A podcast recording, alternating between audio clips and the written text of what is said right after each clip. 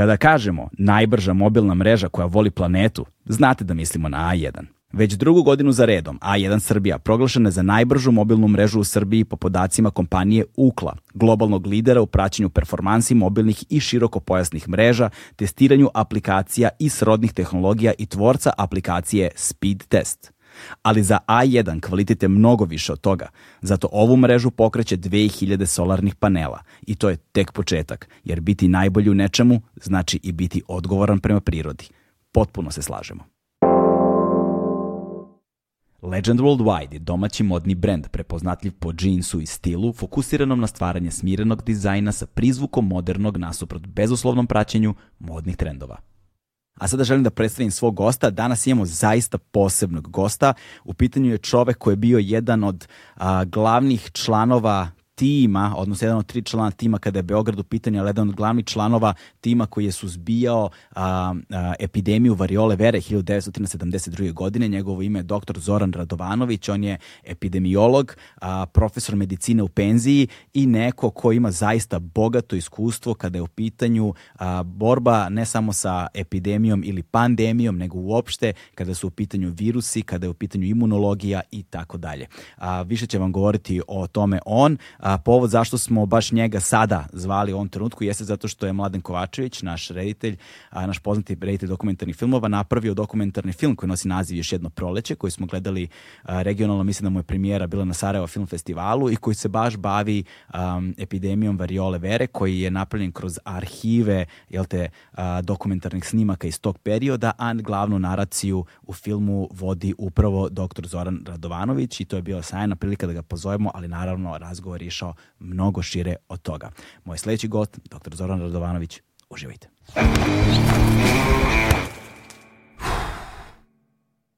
Hmm.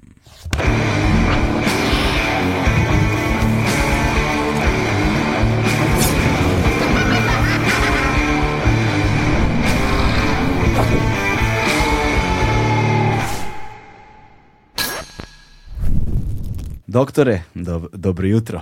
Dobro jutro. Ili dobar dan, ka, zavisi kako kome, jel da? Kad vi ustajete? Zoram. Zoram. Šta to znači? sta- stari ljudi ustaju rano, pa obično oko pet. Oko pet već, dobro, znači u, u tom slučaju dobar dan. Da, da, sad je već odmako dan. Odmakao dan, ali eto, kažete, ovaj, puno toga se postigne kad se tako rano ustane. Da, da, ja, nis, ja uveče recimo čitam štampu na koju sam pretplaćen, dobijem uveče za naredni dan, Aha, da, to jeste. pročitam negde do 11, pola 12, ali u toku noći stigne du, du, mnogo materijala i onda polako odgovaram na poštu, napišem nešto, tako da a, jeste kad a, pogledam da je 8 sati, a sam puno toga uradio. Da, da, e, a, na koji ste to poštu pretplaćeni? Baš me Pa, zanima. a, ja čitam uveče danas Mhm. e, dnevni lista, ovaj, čitam NIN a, nedeljnik, a, a ranije sam bio pretplaćen na vreme, ne može čovjek sve da a, pročita i e, bio sam kolumnista nove, pa sam onda Da, jasno, jasno, novu jasno. dobio. O, sada sam kolumnista politike, pišem recimo dva puta mesečno i u danasu sam. Da, inače vi ste uh, uh, veoma plodan autor uh, za sve ovo vreme. Evo ovde samo imam neke od naslova. Dobro, ovo je do duše zbirka polemika nekih koje ste napisali, Yes. tako medicina, etika i politika. Ovo je dosta zanimljivo, o čemu možemo takođe da razgovaramo u toku epizode grip. Dakle, uh, odnosi se na pandemiju ptičijeg gripa 2009. godine, je li tako? A, e, o tome je uglavnom pisao kolega a, Kon. Aha. Ja sam mu predložio da bude koautor, Da. a o, ja sam pisao o gripu uopšte. Znači, A u gripu uopšte, da. od kad se za njega zna, pa Da, to je dosta zanimljiva tema svakako, ovaj, istina o vakcinama, eto jedne polarizujuće teme, mada izgleda da živimo u društvu kojem je svaka od ovih tema polarizujuća, nažalost. Takođe ste pisali puno o covidu, evo i ovde covid to je sad izašlo iz štampe. A ovo je sad izašlo iz printa, Da, da, da. E, pa dobro. Pandemija između nauke i politike. Upravo tako, U, da. još jedna duboko polarizujuća tema. I ovo je takođe vrlo zanimljivo i volio bih toga da se dotaknemo takođe danas u razgovoru. U pitanju je knjiga koja nosi naziv Istina o raku. učestalost, uzroci i sprečavanje, a, zato što se ovde osvrćete takođe na problematiku osiromašenog uranijuma, je li tako? Između ostalog. Između ostalog, stavit ću ovo sa strane da nam ne smeta.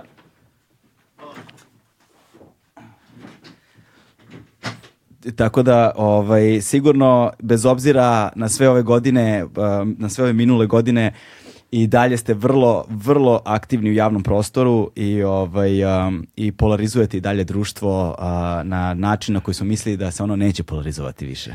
Pa ne, društvo je jako polarizovano, nego ja onda gledam da iznesem naučne istine. Što nije uvek lako i nije ni popularno. Ne samo to, nego je teško ljudima iz nekog razloga da prihvate nešto što je naučna istina. I postaje se pitanje zašto je to tako.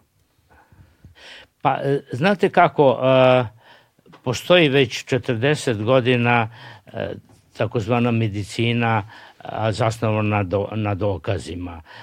To se smatra jednim od sedam ključnih domena u medicini savremenoj u kojoj je došlo do neke revolucije, znači da a, ne zavisite vi od mišljenja nekog autoriteta, nego se gleda da se raščisti da sve ono što je zasnovano na nekim razmišljanjima, tradiciji, da se proveri, pa ako je naučno dokazano, prihvata se, ako ne, otpada. Ja sam navodio puno primera, recimo našoj populaciji je blisko ono sa doktorom Spokom. To je knjiga koju su imali ljudi koji nemaju biblioteku. Ja ne znam to je, to. vi i vaše odojče. dakle, ovaj, neko nema ni jednu knjigu, neko ima Bibliju ili ranije ono o program Saveza komunista, ali ako postoji još neka knjiga u domaćinstvu, to je bila ta doktora Spoka knjiga o Naravno, ranije je bilo Vasa Pelogić, narodni učitelj, ali kako negovati i hraniti odojče. I to je zaista u celom svetu bila jako popularna knjiga, ali onda doktor Spok je držao se onoga što je logično i što je na kraju čuo i svoj, od svojih e, prethodnika, pa je savjetovao da dete nikako ne spava na leđima. Mm -hmm. Zato što pretpostavljalo se ako u toku noći se zagrsne pa počne da povraća, da može da se uguši. Jasno. Pa je onda, uh, znači, umesto na uznak, savjetovo da dete mora da spava po trbuške, dakle ničice. Mm -hmm. O, ali onda kada su urađene epidemiološke studije pokazalo se da deca koja spavaju tako na trbuhu četiri puta češće se uguše. Uje. Tu je bilo a, u svetu mnogo primjera kad su majke optuživali za čedomorstvo, Uf. zato što dete zdravo zaspi, obično u uzrastu od nekoliko meseci i ujutru ne diše. A to je takozvana iznenadna smrt odojčeda. Da, da, da. Kako, kako je zovu? Uh, uh, uh, SID, SID, SID, SID, Sudden Infant Death Syndrome. Death Syndrome, right. Je, da, da, da. Ovaj, dakle, kad nešto što se čini logično, naučno proverite, pokaže se da je istina sasvim drugčija, zato što dete, čak i ako se zagresne i ako pro, a, a, povraća, neće da se uguši. Mm. Ali a, ovo, znači četiri puta češći je rizik da dođe do sica, a, pored toga ako još su roditelji pušači, ako spavaju u istom krevetu s detetom, taj rizik je još mnogo veći. Dakle, postoji ta medicina zasnovana na dokazima na koju, koju insistiramo, dakle da se primenjuje samo ono što je naučno dokazano. Zbog toga su otpale i homeopatija i sve te o, priče koje nemaju nikakvog osnova, jer niko za 200 godina nije mogao da pokaže da homeopatija ima bilo kakav efekat osim psihološkog. Jasno, jasno. E sad, istina je da je medicina već 2000 godina počivala na psihološkom efektu. Vi do pre e, manje od 200 godina niste imali ništa, skoro ništa, a, što je zaista delotvorno. Ono što je doktor imao u svojoj torbi i na čemu je zasnivao stolećima svoje autoritete, bili su emetici, to su sredstva za povraćanje, ili purgativi, to su sredstva za čišćenje, recimo ricinus, ili pijavice, puštanje krvi. A, sva ta tri dominantna navodno a, a, terapeutska pristupa su bilo štetna.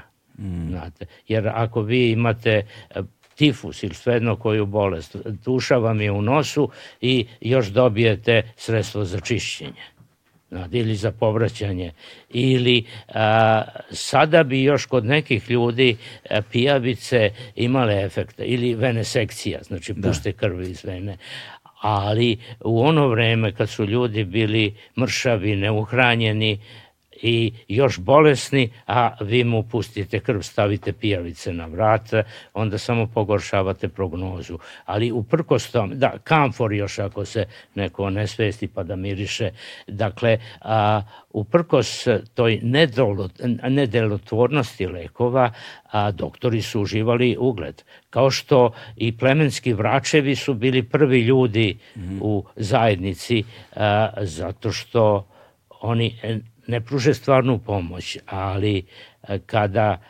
a, e, u Amazoni, na primer, vrač kaže nekome da je proklet, da ga ovaj, a, e, izbacuju iz plemena i zajednice, a on posle dva, tri dana umre. Mm. To, to toliki psihološki efekt. Dakle, ovaj, Uh, ono sve što je zasnovano na tom placebo efektu, dakle, uh, vi date nekome lek i kažete ovo, od ovoga će ti biti bolje i njemu zaista bude bolje, ali ne od leka, nego zbog toga što veruje vama. Tako je, da. Znači- Psihološki znači, efekt je vrlo stvaran zapravo Uh, I postoje neki eksperimenti, to sam čitao, uh, koji uh, pokazuju, ima neka operacija na kolenu, sad sam zaboravio kako se ta operacija na kolenu zove, koja zapravo nije neophodna, koja se odrađivala rutinski godinama unazad, jedan su napravili tri Um, uh, tri, tri uh, test grupe, tri studijske grupe su napravili, jedna je bila kontrolna grupa, dakle, kojoj uh, su, svima su rekli da će ih operisati zapravo. I onda su prošli celokupnu proceduru kao da ih zaista operišu. Uh, ovaj, s time da su jedne stavili pod anesteziju i ništa nisu radili, mm. samo su im stavili zavoje na, ovaj, no, na koleno kao da su ih operisali. Jedno su operisali, otvorili su samo koleno, mm. isprali, zatvorili i stavili zavoje i treći mm. su zapravo izvršili ovaj, a, tu rutinsku operaciju. I pokazalo se da su 100% oporavak valjda imali sve tri studijske grupe. Da, da sad sam i... zaboravio, setit ću se kako se zove ta operacija, tako da to je dokazalo značaj placebo efekta u velikoj meri u, u nauci. Pa jeste, vi imate znate, i e, te priče o ubodima, o te, ovaj, a, o, o lekovitom dejstvu, o čatrama, o tim energetskim kanalima i tako. Mm -hmm. ovaj, I sad zaista vi kažete nekom, evo sad ćemo mi da izbockamo iglama, pa ćemo onda da intervenišemo hiruški i nećeš osjećati bol i on zaista bolje podnese operaciju, ali ne zato što su te iglice imale čudotvorno dejstvo, jer one imaju loših strana, a, ako se nedovoljno dezinfikuju, vi tako prenesete hepatitis B, hepatitis C i tako dalje. Ali o, ispadne da deluju, a jedino tako kad uradite a, eksperimentalnu studiju, mm -hmm. onda možete da e, diferencirate šta je placebo efekat, a šta je stvarni učinak te intervencije i onda se pokaže da nema razlike. Jasno. Ono zbog čega smo mi zapravo ovde glavno, da pokazat ću ovo knjiga, će reći mnogima, ali ova knjiga je izašla. Kad je izašla ova knjiga Helik, u izdanju Helixa? Ja mislim 16. 17. 16.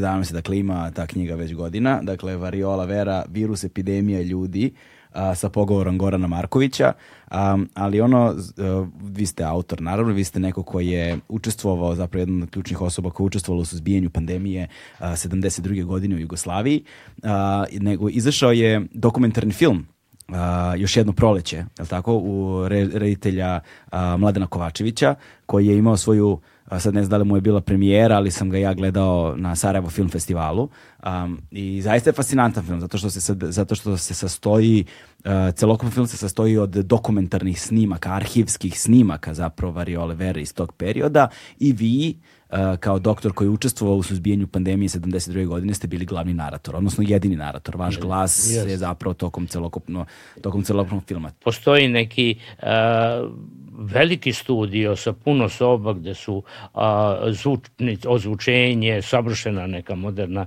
tehnika i tu sam proveo ukupno više od 20 sati mm -hmm. a, govoreći o tome.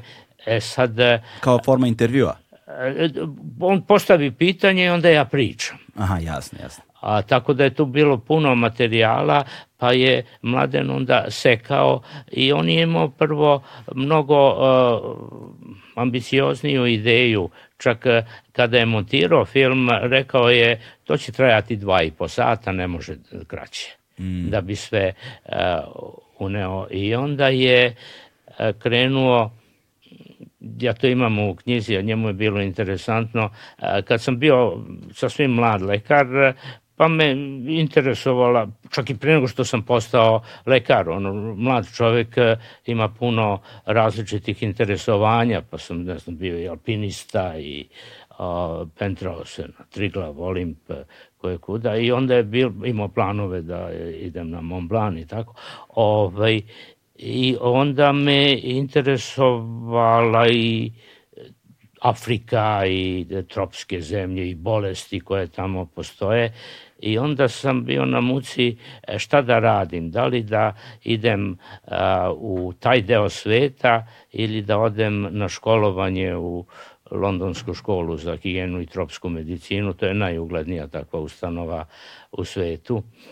I onda sam pitao ljude kojima verujem svoje nastavnike, postoje na virusologiji tad je bio docent Harisijades, jedna umetnička duša, on je uh, bio i vajar amater. A gde?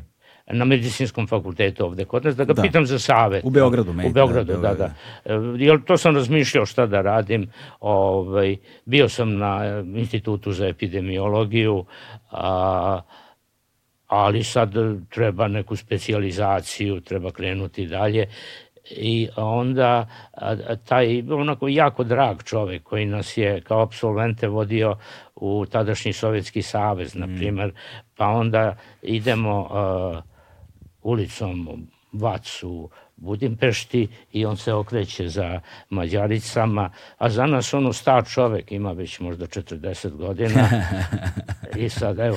Kao ja sad. I, da, a pogotovo što o, znamo njegovu suprugu koja je Aha. takođe nastavnica na medicinskom fakultetu, ali onda on kaže e, vidite taj pokret, e, to hunsko, Znači, on je gledao sa umetničke strane, e, ne ono, evo kratka suknja da je pogledam, nego zaista doživljavao je, e, verovatno je pokušavao da e, zamisli skulpturu u kojoj će dočarati taj pokret. Mm. A1 je prvi prijatelj audio izdanja Agelast podcasta. O, I onda mi je on rekao, ma nema tu dileme, a, vi morate da idete tamo gde su bolesti, kakva učionica i škola, pa vi ste lekar, nego tamo da stičete iskustvo. I onda bio je onako fasciniran, kaže, znate, u Indiji oni imaju velike generalštabne mape. I onda kaže, svako jutro za svakog umrlog od kolere jedna žuta čioda, za svakog uh, kih deset umrlih, jedna crvena čioda i kaže, cela mapa se šareni. Mm. Je bio fasciniran.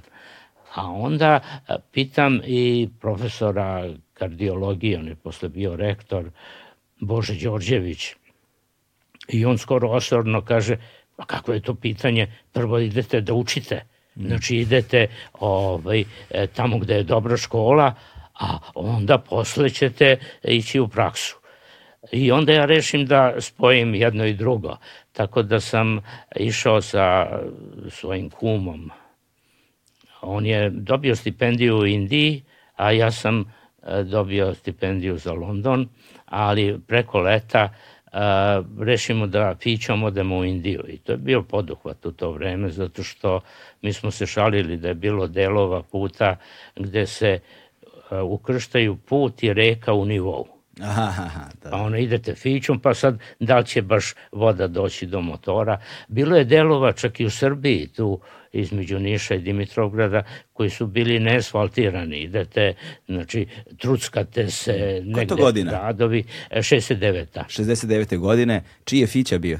A, a, moj kum je kupio Fiću da bi tamo mogao da se, jer e, u New Delhiju je haotično mm. saobraćaj i sve i onda a, prosto ako stanete, ako je u to vreme, znači to evropljanin tamo, onda mu odmah pritrčavaju prose, tako da, a i rastojanja su velika i onda je njemu pošto je imao stipendiju, bilo potrebno da e, na taj način prelazi ta velika rastojanja. Mogao je da sedne i u rikšu da plati, ali mm. ovaj, to je ipak nosilo. Koliko dugo je to? Dakle, krenuli ste iz Beograda fićom? Da, da, krenuli smo... Do pa, New Delhija? Jeste. Koliko je to kilometara? Koliko je to bre kilometara, čoveče? Beograd, New Delhi, kolima? Pa to je oko 8000 kilometara. E, mi smo putovali 16 dana zato što smo skretali. Mi smo hteli da, da vidimo, znate...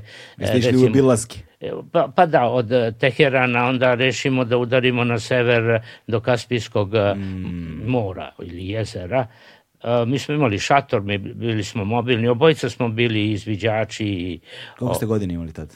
69. Boga mi je 29. 29 godina, da. Tako da on je radio ovde na jednom institutu, ali imao je stipendiju e, da radi doktorsku disertaciju tamo mm. o Indiji. I uh, onda smo još skretali, na primer, uh, iz Kabula, to je bilo interesantno, siromašna zemlja, ali odlični putevi, zato što su Rusi finansirali izgradnju puteva sever-jug. Mm a da, da. zapadnjaci, uglavnom Amerikanci, o, istog-zapad. Rusima bilo interesantno e, i strateški značajno ako zatreba da mogu tenkovima da se spuste do toplog mora, da intervenišu. Ovaj, I onda smo išli na e, neki e, prelaz planinski gde je 3 km dug e, tunel. Mm -hmm. E, tu su, posle smo, kad je bio onaj sovjetsko-afganistanski rat, e, onda su Afganistanci e, napravili zasedu, pa kad je išla velika kolona sovjetskih tenkova, onda su zapalili vatru na početku i na kraju. Tako da su se silni a, vojnici a, sovjetski tamo pogušili praktično izgoreli. Ove, ovaj, hteli smo to da vidimo, na primer, Salang se zove u planini. A, I onda taj Khyber Pass, to je ono vrata Indije, da, da između. Afganistana i Pakistana, ali e, ceo taj deo Pakistan, Indija i Bangladeš neka su bili e, britanska kolonija, indijski podkontinent, ceo mm. taj.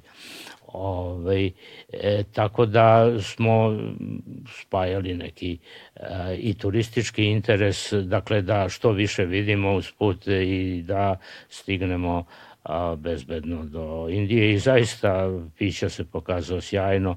Mi smo Ste se skuvali u Fići? o, imali smo, bili smo jako oprezni, recimo vodu nismo pili, tako da e, znali smo ove, i iskustva tuđih i iz knjiga da ne treba piti neprokuvanu vodu. Tako da nikad nismo imali problema Na, ljudi su dobijali, ako su nepažljivi, dizenteriju, amebnu, bakterijsku, a apsese, jetre i tako, nismo imali te probleme. Ovaj, e sad, Mladen, da vidite, posle 10 minuta vraćam se nema na temu. Nema veze, nema veze. Znači, Sve da. su ove priče ve, veoma vredne. Ovo, ovo. Mene zapravo još više zanima sad to putovanje, kako je to, Da. kako je izgledalo spavanje. U šatorima ste spavali? Da, da, šatori, Pored puta? A, Pa, Ili ste nalazili neke- a, nalazili smo vešto, znači, ne znam, na Kaspijskom jezeru, na plaži, na pesku, ovaj, bilo je mogućnosti da uz velike hotele, recimo u Heratu, u, ovom, to je u Afganistanu, u Kandaharu, ovaj, o- onako trava, lepo javimo se, podignemo šator, u a, recimo Teheranu i još ponegde postojali su kampovi za turiste. Da, da, da. A, jer e, putovalo se e, čak i mi kad smo išli, e, znate, problem su bili dobro putevi, a, onda ljudi, običaji drugčiji, recimo a, u Iranu, a, u jednom svetom gradu, iz neznanja mi smo prišli e, džamiji i čak da ušli malo u nju, što je nevernicima zabranjeno. Ima a, k- e, džamija gde je dozvoljeno ljudima knjige. To znači jevrejima, hrišćanima i naravno muslimanima, ali ovde ovo je bilo sveto mesto i to je samo bilo čak samo za a, šija muslimane. Mm. I onda je baš bilo neprijatno onako, Neko vas je- Inače, jako ljubazni, svi su jako srdačni, ali tu ste vidjeli baš onako neprijateljstvo i prvo za prepašćenje i onda su krenuli ka nama, tako smo brzo seli u piću i izbrisali. O, tako da, osim toga, nismo imali e, problema sa ljudima, znate. ali e, bilo je političkih e, trzavica između tih zemalja, recimo kad smo a, prelazili iz e, Irana u Afganistan. Onda Iran je, to više bilo iz političkih razloga, optužio a, Afganistan da je tamo epidemija kolere. I onda E, uglavnom su to hipici, to je znači 68. 9. vraćaju se iz Afganistana, idu u zapadnu Evropu, imaju neki kombi i još neko vozilo i sad dobiju izlaznu vizu, znači poništi im se viza afganistanska, a dolaze i to boga mi, veliki prostor, ničija zemlja, 2-3 kilometra, i a, dolaze na iransku ovu strani, Granicu. granicu, odnosno ovu kontrolnu tačku i tamo neće da ih prime, navodno zbog kolere. Oni pođu nazad, ali neće ni Afganistanci da ih prime ili im je poništena viza. Mm. I onda su stajali na 40 stepeni a, na toj ničijoj zemlji i onda reše ono u zapadnom maniru, mirni protest, oni će da krenu ka Irancima, a ovi će da se uzbude, da kao, u papina, evo da vas pustimo. O, međutim, ovi uzmu pa zapucaju, tako da kad smo mi naišli, e, jedan Nemac iz Mintkena je već bio pokriven belim čaršapom, dvojica su bili ranjeni.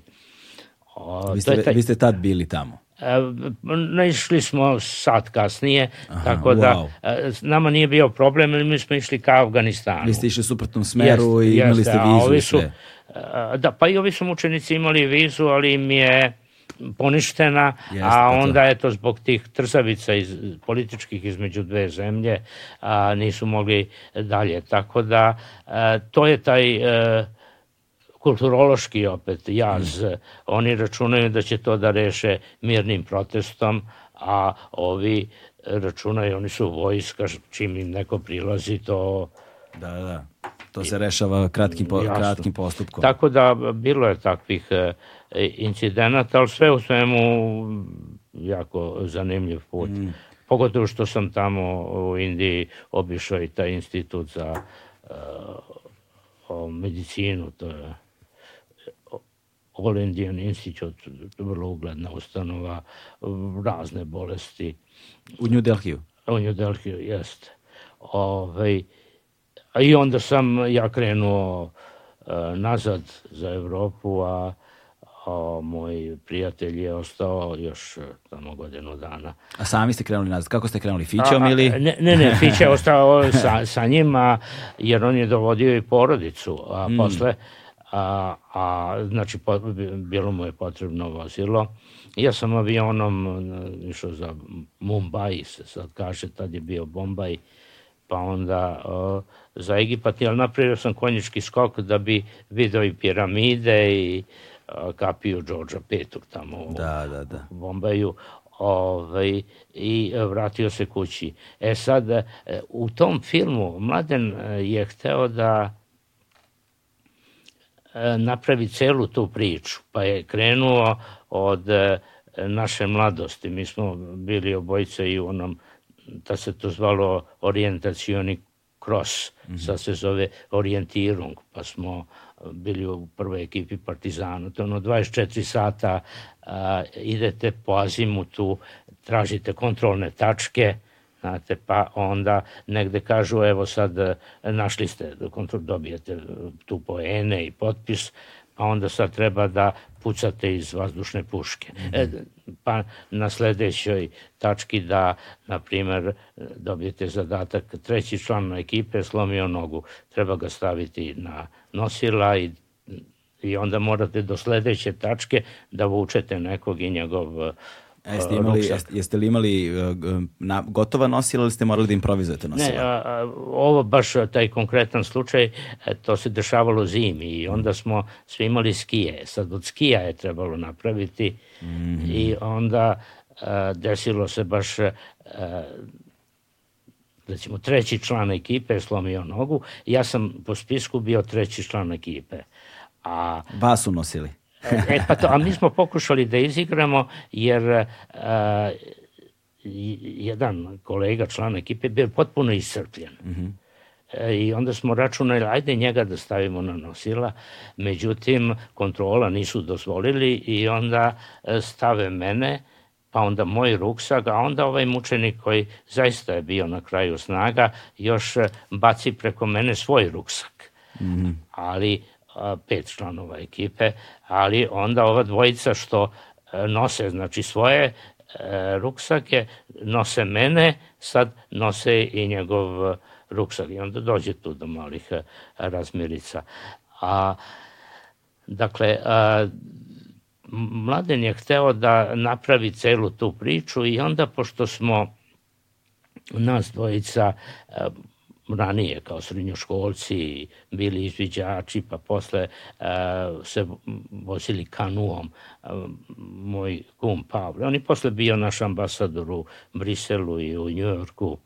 Ovaj, ali je bio isto tako nemiran duh. Onda je on pravio kanu, ali to je bio najlepši kanu na Dunavu zato što je izgledao kao oni pravi indijanski. Mm -hmm A, ja sam mu pomagao, on je uglavnom, to je baš bilo potrebno imati i stolarska znanja.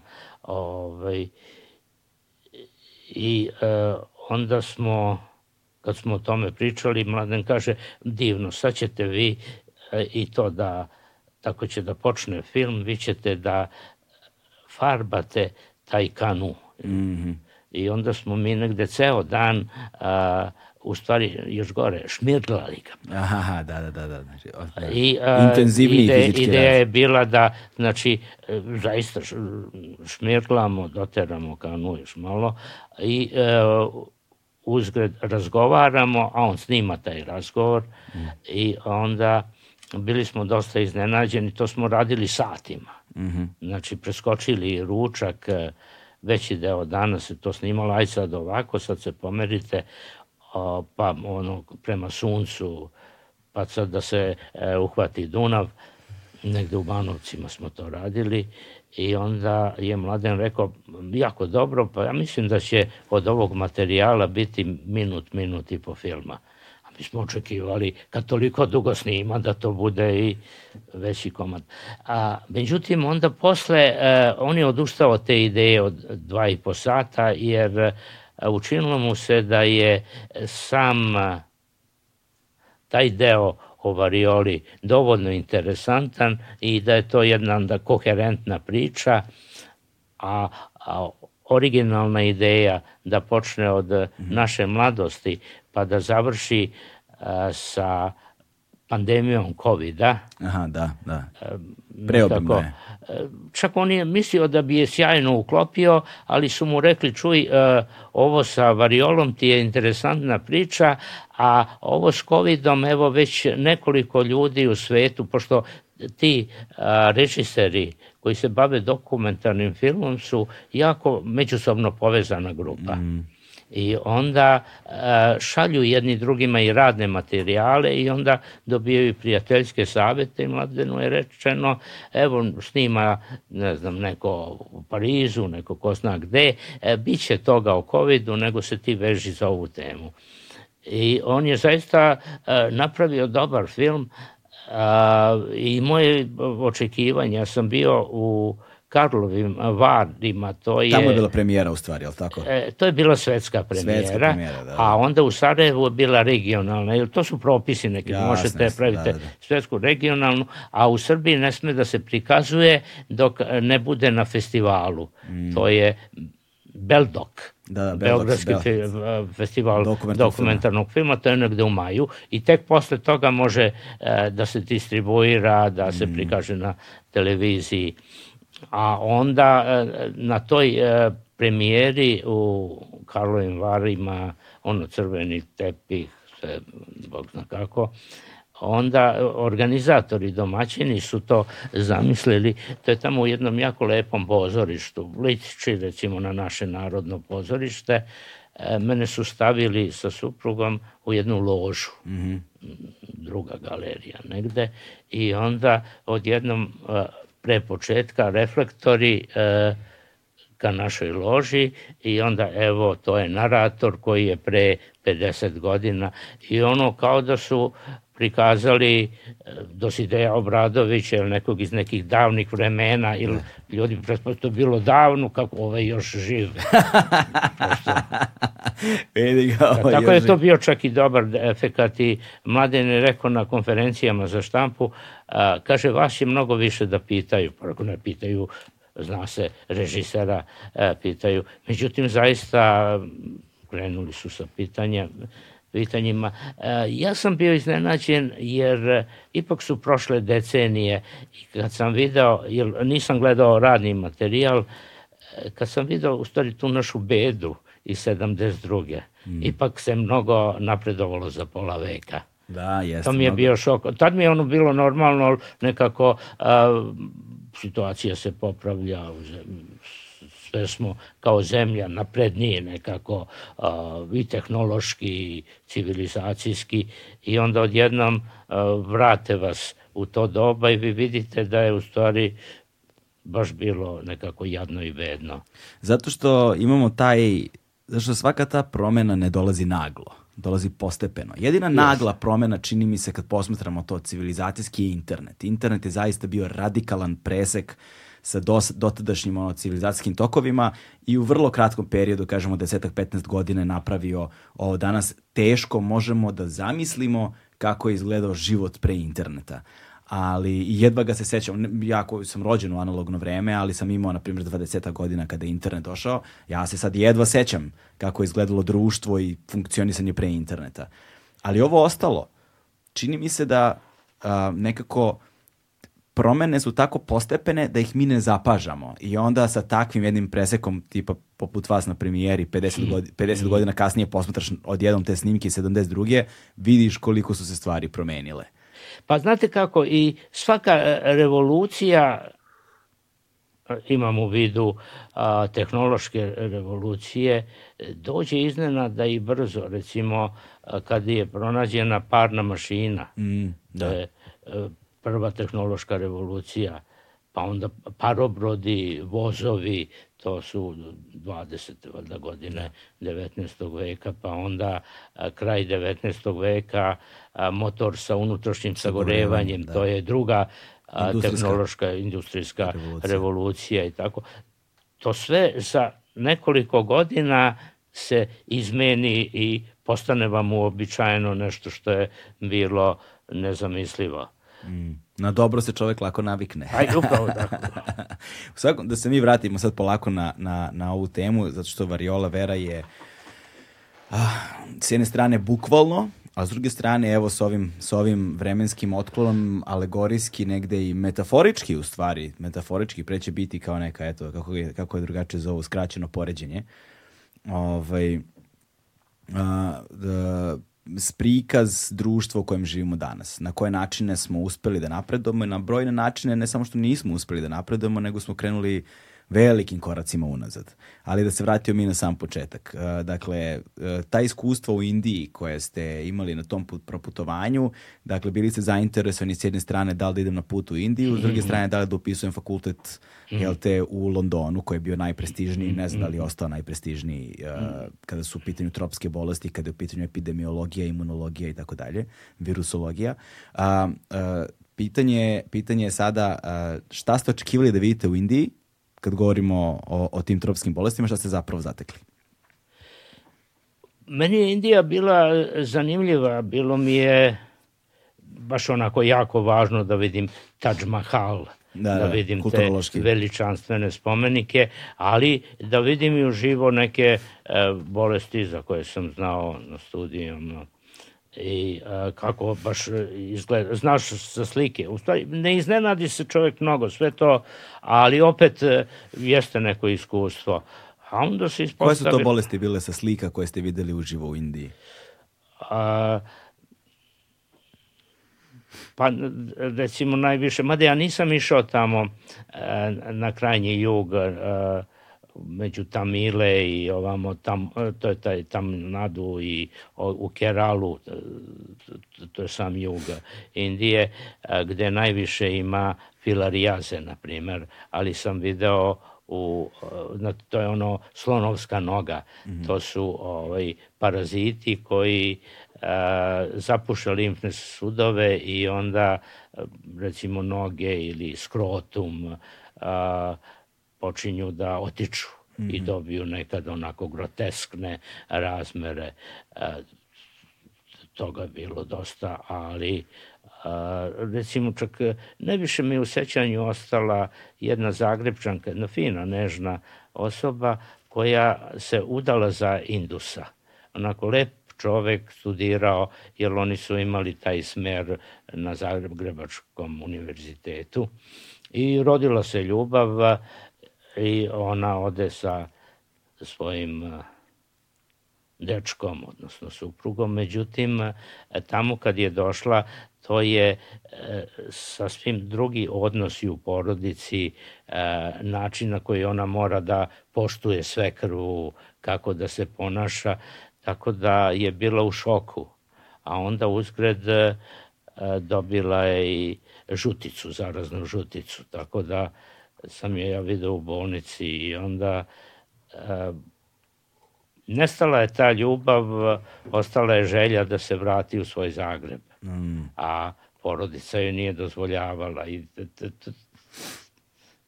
ta nesrećna sudbina to me nekako najviše potreslo, jer ovo bolesti u redu, znaš kako je na slikama, vidiš tamo kako je u stvarnosti, ali e, tako ljudske priče, to u stvari e, ostanu čoveku. Šta li je sa njome bilo kasnije? E, čuo sam da se vratila posle mnogo napora mm. i problema, ali ono, vidite, jedna gracijelna osoba leži u nekom ogromnom krevetu tamo i malo je više žuta nego što bi trebalo da bude, nema snage, baš onako. A uz to ima i te e, probleme što joj ne dozvoljavaju da se vrati na da joj pasoš. I na kraju ste upisali fakultet uh, u Londonu jel, nakon putovanja, tako? Jeste, jeste. Znači, vratili ste se putovanja, iste godine ste otišli. Da, da, odmah, posle mesec dana. Dobili ste stipendiju i kako je izgledalo školovanje u Londonu, ta specializacija uh, u odnosu na ono što ste očekivali i kako je izgledala ona u poređenju sa vremenom tog doba, da. jel te? O, pa tamo je sjajno, oni su uh, prvo jako ugledna ustanova, onda uh, tamo su ljudi, uh, predavači, iskusni englezi koji su godine, često više od deset godina, proveli u tropima. Mm. I onda govore iz svog iskustva. A, a neobično je bilo na početku, posle sam se na to navikao i u Americi i u zapadnoj Evropi, ali to u Americi, taj, e, ta neposrednost, znate, a, nastave po ceo dan, imate pauzu za ručak, a, vrlo pristojna kafeterija, a, i onda kako sedate, prilazi vam profesor sa sedom bradom, izvinite, da li mogu da vam se pridružim? Da. To da. nekako u Beogradu u to vreme znalo se, a, a profesori, iako postoji takav zajednički neki ručak, profesori su odvojeno, studenti odvojeno, tu postoji neka da. barijera. Ovamo, taj kontakt je bio onda istovremeno i na a, nastavi. Tu je bilo uobičajeno da vi prekinete profesora i da kažete čekajte ovo nije jasno. Ja sam posle to i u Americi radio. Ove, znate, odmah se primeti ako je neko dosadan pa onako prekida kad, ali ako postoji ta dinamika i interakcija mm -hmm. da neko postavi pitanje koje i vas interesuje, onda se odmah razjasni tako da a, to bude i edukativno mnogo uspešnije. Tako da te pa, barijere nisu postojale, to mi se dopadalo i ta iskustva, e, isto negde sam napisao u nekoj od knjiga, recimo, e, čovek koji je e, dugo vremena bio u podsaharskoj Africi, predaje, mi, predaje nam... Izvijete, možete samo približite malo mikrofon sebi? Aha, pardon. E, super. Čovjek koji je dugo bio pod Saharskoj Africi? Da, o, drži predavanje, neki David Orley, Morley, posle je bio u Great Ormond Hospital, najvećoj dečijoj bolnici, neki direktor, ovaj, e, želi sad kontakt i e, želi polemiku. Mm. I onda iznosi neki primer, on, epidemija, prolivi, umiru deca i šta treba raditi. Ja kažem, pa jasno je, treba a, dijeta, A on kaže, zašto dijeta? Ja kažem, zato što tako piše u Pankonijevom učbeniku. To je e, najpoznatiji učbenik pedijatrije u, to svet, u, to, u svetu u to vreme. A on kaže, otkud Fankoni to zna? To bi za mene već bilo uh, sveto grđe. Kako, ako ne zna Fankoni, ko zna? Da. Pa kaže, od koga je on to? Pa rekao, valjda čuo od svojih profesora. Kaže da, a on je od svojih profesora i ajde da vidimo i onda pokaže e sad zaista je tako a, njegovo iskustvo u Africi. A, deca koja su bila na dijeti, znači to su deca neuhranjena sa velikim trbuhom zbog nedostatka proteina, ali noge kao štapovi. Imaju nekoliko vrsta parazita, glista. Mm -hmm. I dobili proliv, vi ih stavite na dijetu, na vodu i pirinčanu vodu ili kašu jabuka, deca umru. A on im je dao puno, puno masno mleko, znači davo im jaku hranu, deca se oporavila. Tako da sve zavisi od konteksta, ali mm. e, to, ta priča, ono, evo, e, umorile se ćelije, creva, pa treba da se odmore, što ima da se odmaraju.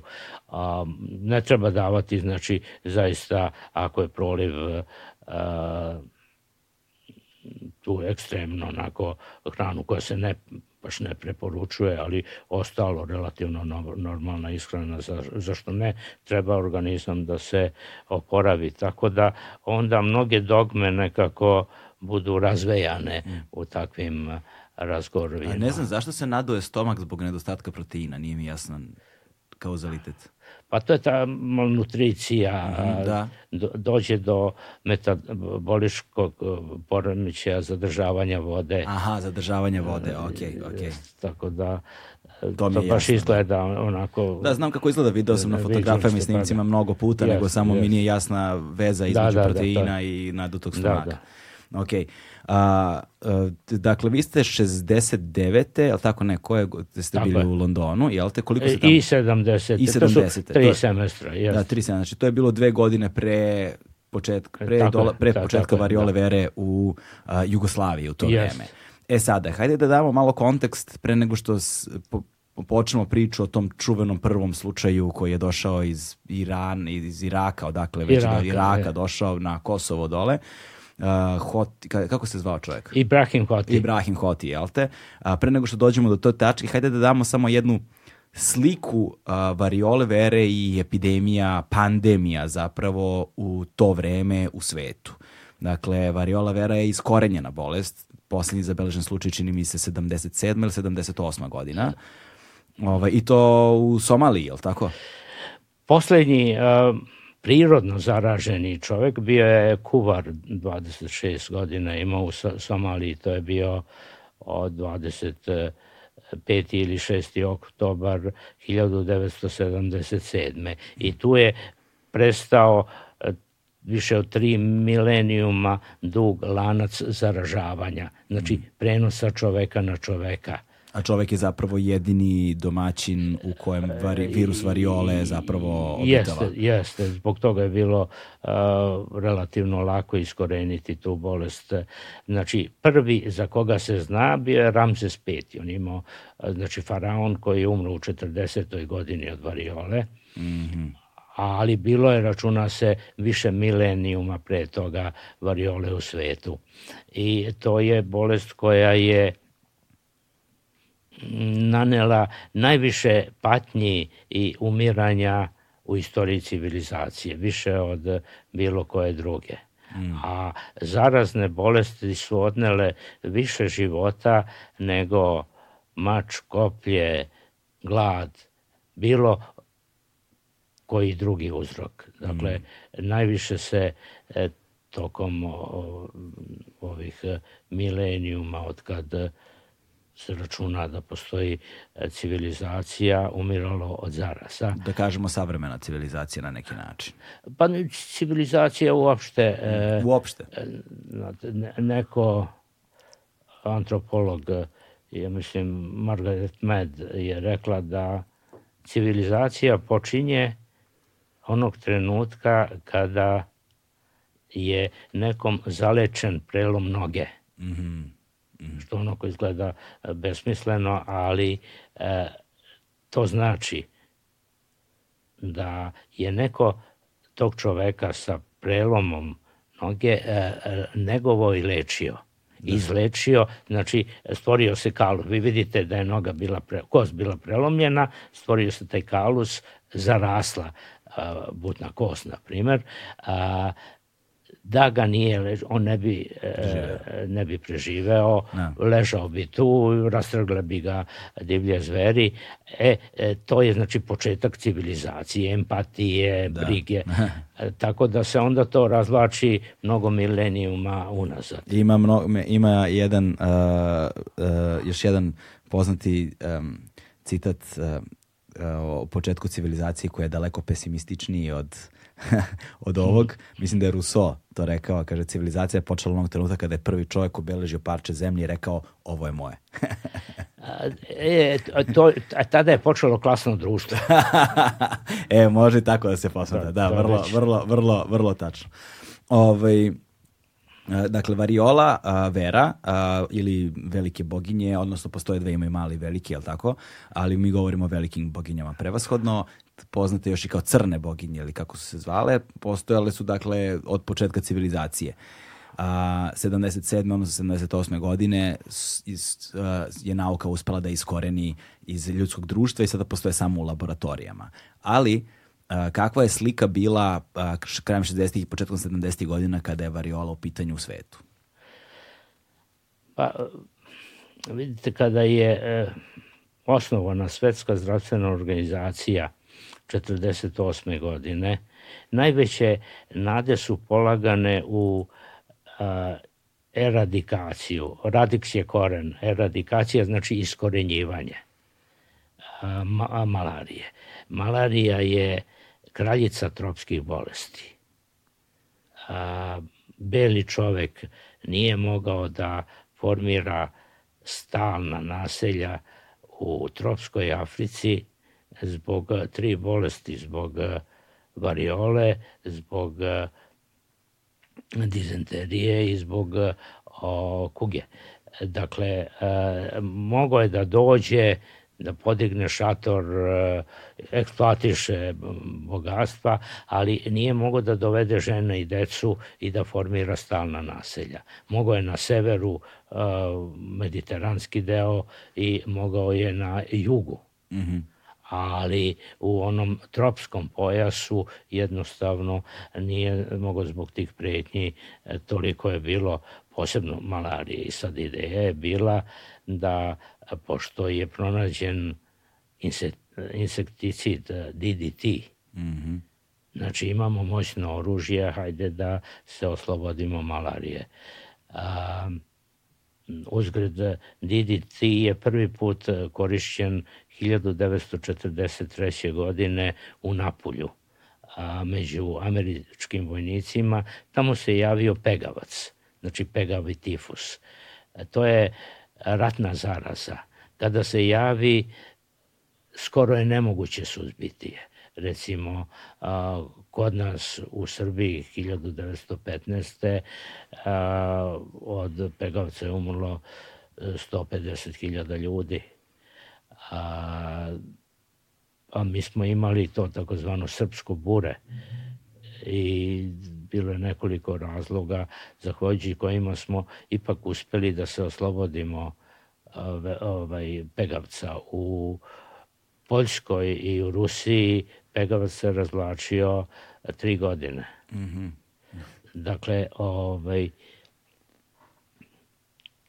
a neverovatan uspeh primenjen DDT, pegavac nestao.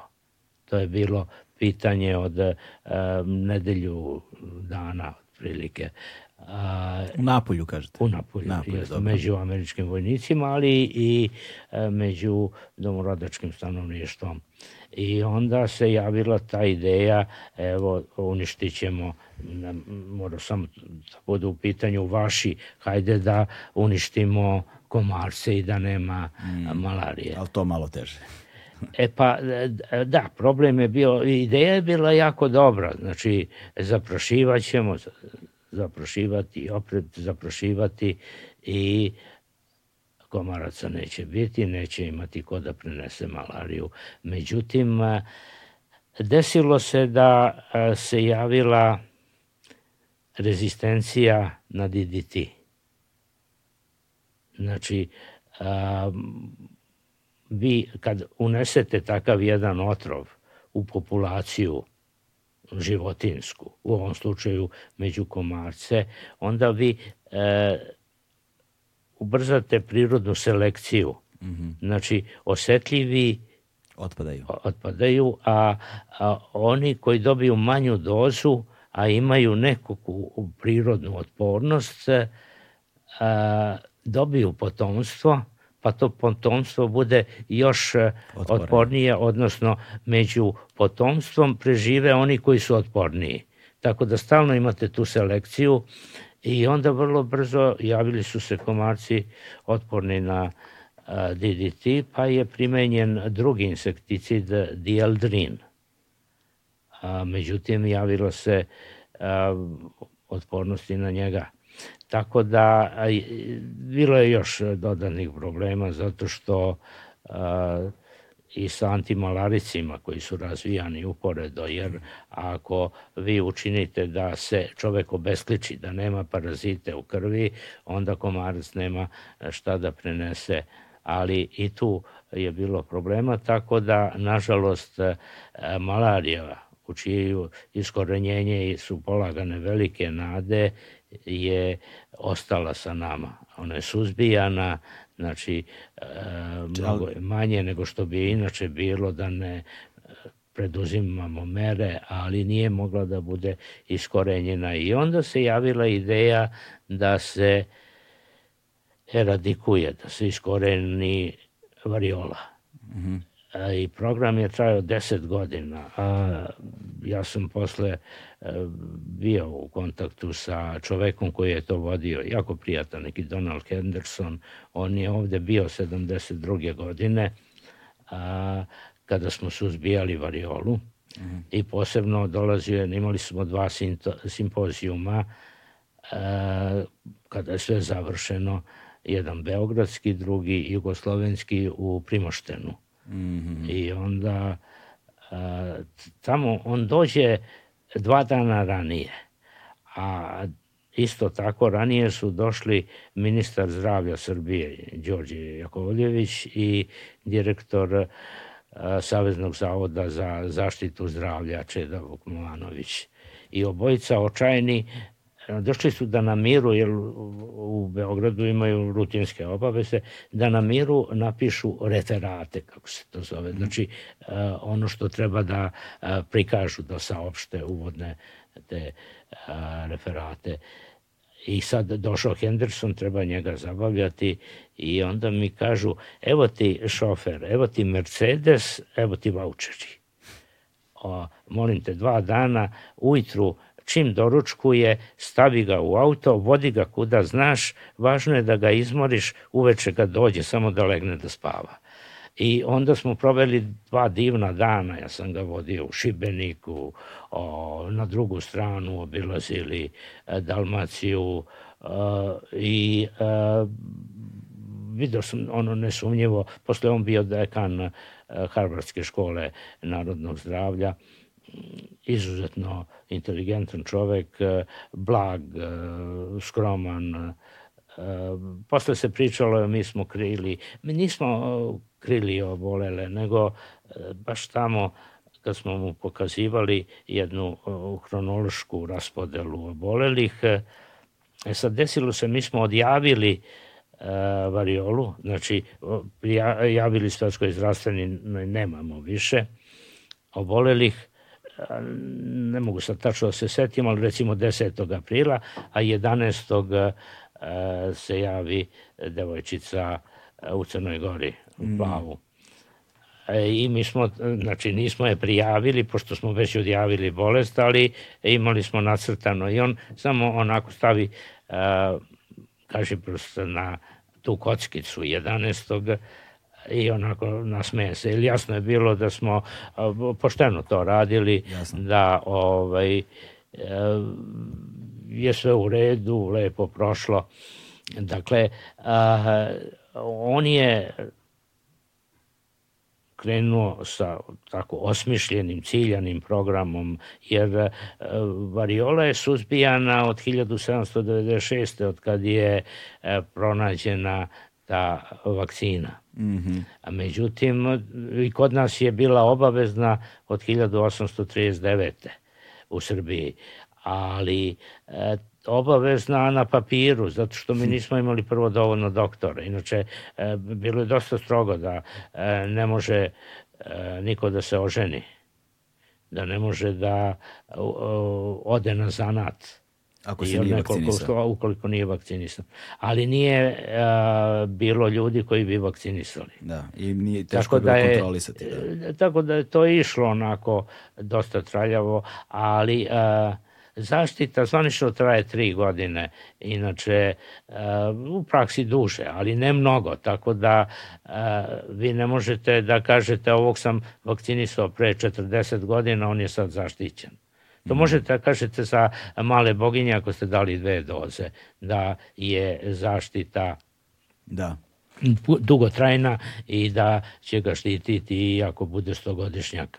A ovde je znači kratkotrajna relativno i onda stalno se javljaju novi slučajevi, tako da je on napravio strategiju da se ide u žarište Dakle, javio se bolesnik, vi vakcinišete sve u tom krugu. Mm -hmm, da a njega izolujete i a, tako znači e, ciljano uz naravno ide i opšta vakcinacija ali posebno kad se javi oboleli tu da. hitro intervenišete i za 10 godina zaista uspelo se taj kuvar iz Somalije nije ni na koga preneo bolest. Ali onda je rečeno ajde da čuvamo virus evo na četiri mesta u svetu.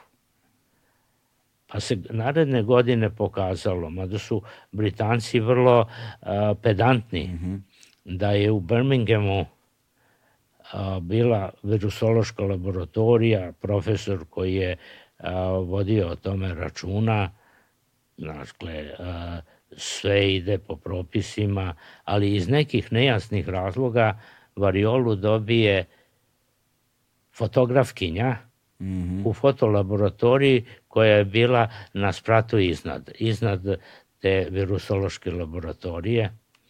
Ona imala je 40 godina, neka Janet Parker, ona zarazi svoju majku, ona umre, onda je taj profesor virusologije izvršio samoubistvo i to na jedan surov način, pre, presecanjem vrata. Tako da a, je tad rečeno, ajde da svedemo broj laboratorija gde će se virus čuvati na dve. Jedna u Sibiru, u Sovjetskom savezu, druga u Betesdi, u, u, ovaj, u Americi. Tako da... I simbolično istok i zapad. da, da, da, pa upravo tome je vođeno računa. E, ne vidite, kaže se kad evo, star čovek govori pa kako sve pamti. A u stvari a, moglo bi da se kaže a, izgleda da sve pamti zato što nema ko da ga kontroliše, ostali su pomrli. Tako da i ovde, evo, rekao sam u Betesdi, za trenutak sam zastao, a, mislim da je u pitanju Atlanta, Georgia. Evo mm -hmm. sad nisam siguran da li je u o, Bethesdi, to je kod Washingtona ili na jugu, mm -hmm. o, ovaj, e, ono što, što kažu stavovi mozak. U svakom slučaju, te dve laboratorije. Da. Međutim, a, a, Amerikanci su sve vreme vakcinisali jedan deo svojih eletnih jedinica, zato što računali su da možda i još neko sakrio virus s jedne strane, s druge strane e, posebno od kad se raspadao Sovjetski savez. Tad e, nije bilo redovno ni plata, ni e, uslova za život, pa su onda i ti naučni radnici gledali kako da se snađu. Mm. Pa ako su recimo radili u, sa izotopima, onda bilo je čak i dokaza da su prodavali ono da se napravi prljava bomba. Mm -hmm, da, da, znači, da, neki radioaktivni bombama, da. materijal u o, olovnim oblogama, a, a računalo se ako je virusolog, kako on sebi da pomogne, pa da proda virus, virus variole. Tako da to je jedna sumnja koja je onako bila razlog da e, Amerikanci nastave sa vakcinacijom. Kažem, samo dela da. svojih a, jedinica. I onda su u, u svetu već krenule primetbe ajde rizik je kao ovo što se desilo u Birminghamu, može da se desi još negde. I onda hajde da se unište zalihe, pa je govoreno pa ipak ako se javi neki sličan virus, pa možda će biti potrebno to banka podataka. Iran je insistirao da se unište sve zalihe, jer direktno je ugrožen ako neko reši da ga napadne, mm -hmm. to je biološki rat. A, I onda je to odlagano poslednji put 2014. na Skupštini Svetske zdravstvene e, rečeno je da će to biti uništeno, pa se od tad ne pominje, jer postoji dodatni razlog. Sad vi možete taj virus da sintetišete, ne morate da čuvate originalni, mm. vi možete jednostavno da ga napravite. Znači, da. ne možete sve viruse, ovo što se pričalo za COVID, na primjer, ne može. Ali za... Variolu? Za vari, variolu može da se napravi. U redu. Dobro, taj slučaj je bio poslednji, odnosno uh, zaustavljene taj, taj kada je procureo virus na ko zna koji način u, u Birminghamu, to je zaustavljeno, nije se proširilo dalje od fotografkinje njene majke. Ali da se mi sada vratimo na početak priče ovde. Dakle, uh, variola je u svetu uh, bila značajno prisutna. Uh, izračuna se da je između 300 i 500 miliona ljudi umrlo od variole vere. Sa, samo u 20. veku. Samo u 20. veku, da. Od 300 do 500 miliona yes, ljudi yes. samo u 20. veku da je umrlo od variole vere. o, ogromna je smrtnost od virusa. Virus, smrtnost virusa je između 20 i 40 procenata unutar populacije dok a, ogroman procenat populacije koji ne, koji ne, ne podlegne a, virusu zapravo završava sa trajnim posledicama, slepilom, ogromnim ožiljcima i tako dalje. Ne, svi završavaju sa ožiljcima, ali mali procenat e, može da oslepi. Recimo Filip Višnjić je, mm. je oslepeo posle velikih boginja, ima još nekoliko primera, ali a, ono što kaže, e, nagrdi čoveku lice, tako da. je onaj Maksim Crnojević. da. Oboleo kao mladi, lep mladić, postao ružan. E, a, u tom trenutku, koliko sam uh, uspeo da pročitam i da pratim, pošto u dokumentarnom filmu nije navođeno, ali sam gledao malo po internetu, variola je bila prisutna u Indiji, bila je prisutna u Afganistanu, na Bliskom istoku, da kažemo, bila je značajno prisutna, bila je značajno prisutna u Africi, severnom pojasu Afrike, onom sutropskom, tropskom pojasu Afrike, ali, ovaj, ali u Evropi je nije bilo. Nije, zato što... U Evropi nije da. bilo, da. Da, znači i hoćemo, kako ćemo da počnemo uh, priču o varioli? Hoćemo počnemo priču sad od uh, Hotija ili kako je to bi, kako je to kako kako je to dekonstruisano? Da, da pa Šta se dešavalo? bilo je variole, znači bilo je u mnogim zemljama uh, uoči eradikacije i u toku eradikacije posebno je suzbijano znači na nacionalnom nivou u jednoj po jednoj zemlji mm. smanjivan broj e, obolelih dok e, transmisija nije prekinuta, znači dok broj e, obolelih nije sveden na nulu. A bilo je i južno i, i e, ovo, i Srednjoj Americi, znači u Latinskoj Americi da. bilo je dosta variole. E sad tu pre 100 godina javila se varijanta koja se zvala alastrim ili variola minor. Mm -hmm. Znači ovo je variola major, da. znači veća variola, variola, a minor znači manja. Da. E, razlika je u toliko što je smrtnost 1 do 2%. Mm. Znači, 20 puta je manja smrtnost. Da, ja sam na to referisao u stvari kad sam govorio da su ovo bile velike, ovo male. E da, samo da, da. tu moramo da, da, da, da raspravimo. Da, da, da, da, A male boginje to su morbili. Morbile, da, da. Tu sam A, ljudi, e, sad, naši ljudi često greše i novinari pa napišu uh, javi, ili iskorenjene su male boginje zato što uh, Englezi kažu smallpox, da. small znači mali, mm. ali to je nešto sasvim drugo zato što uh, svoje vremeno, to je u srednjem veku, oni su hteli da razlikuju, znači negde 16. 17. Uh, vek, da razlikuju ranu koja nastane posle e, sifilisa i posle e, velikih boginja. Dakle, kod sifilisa se javi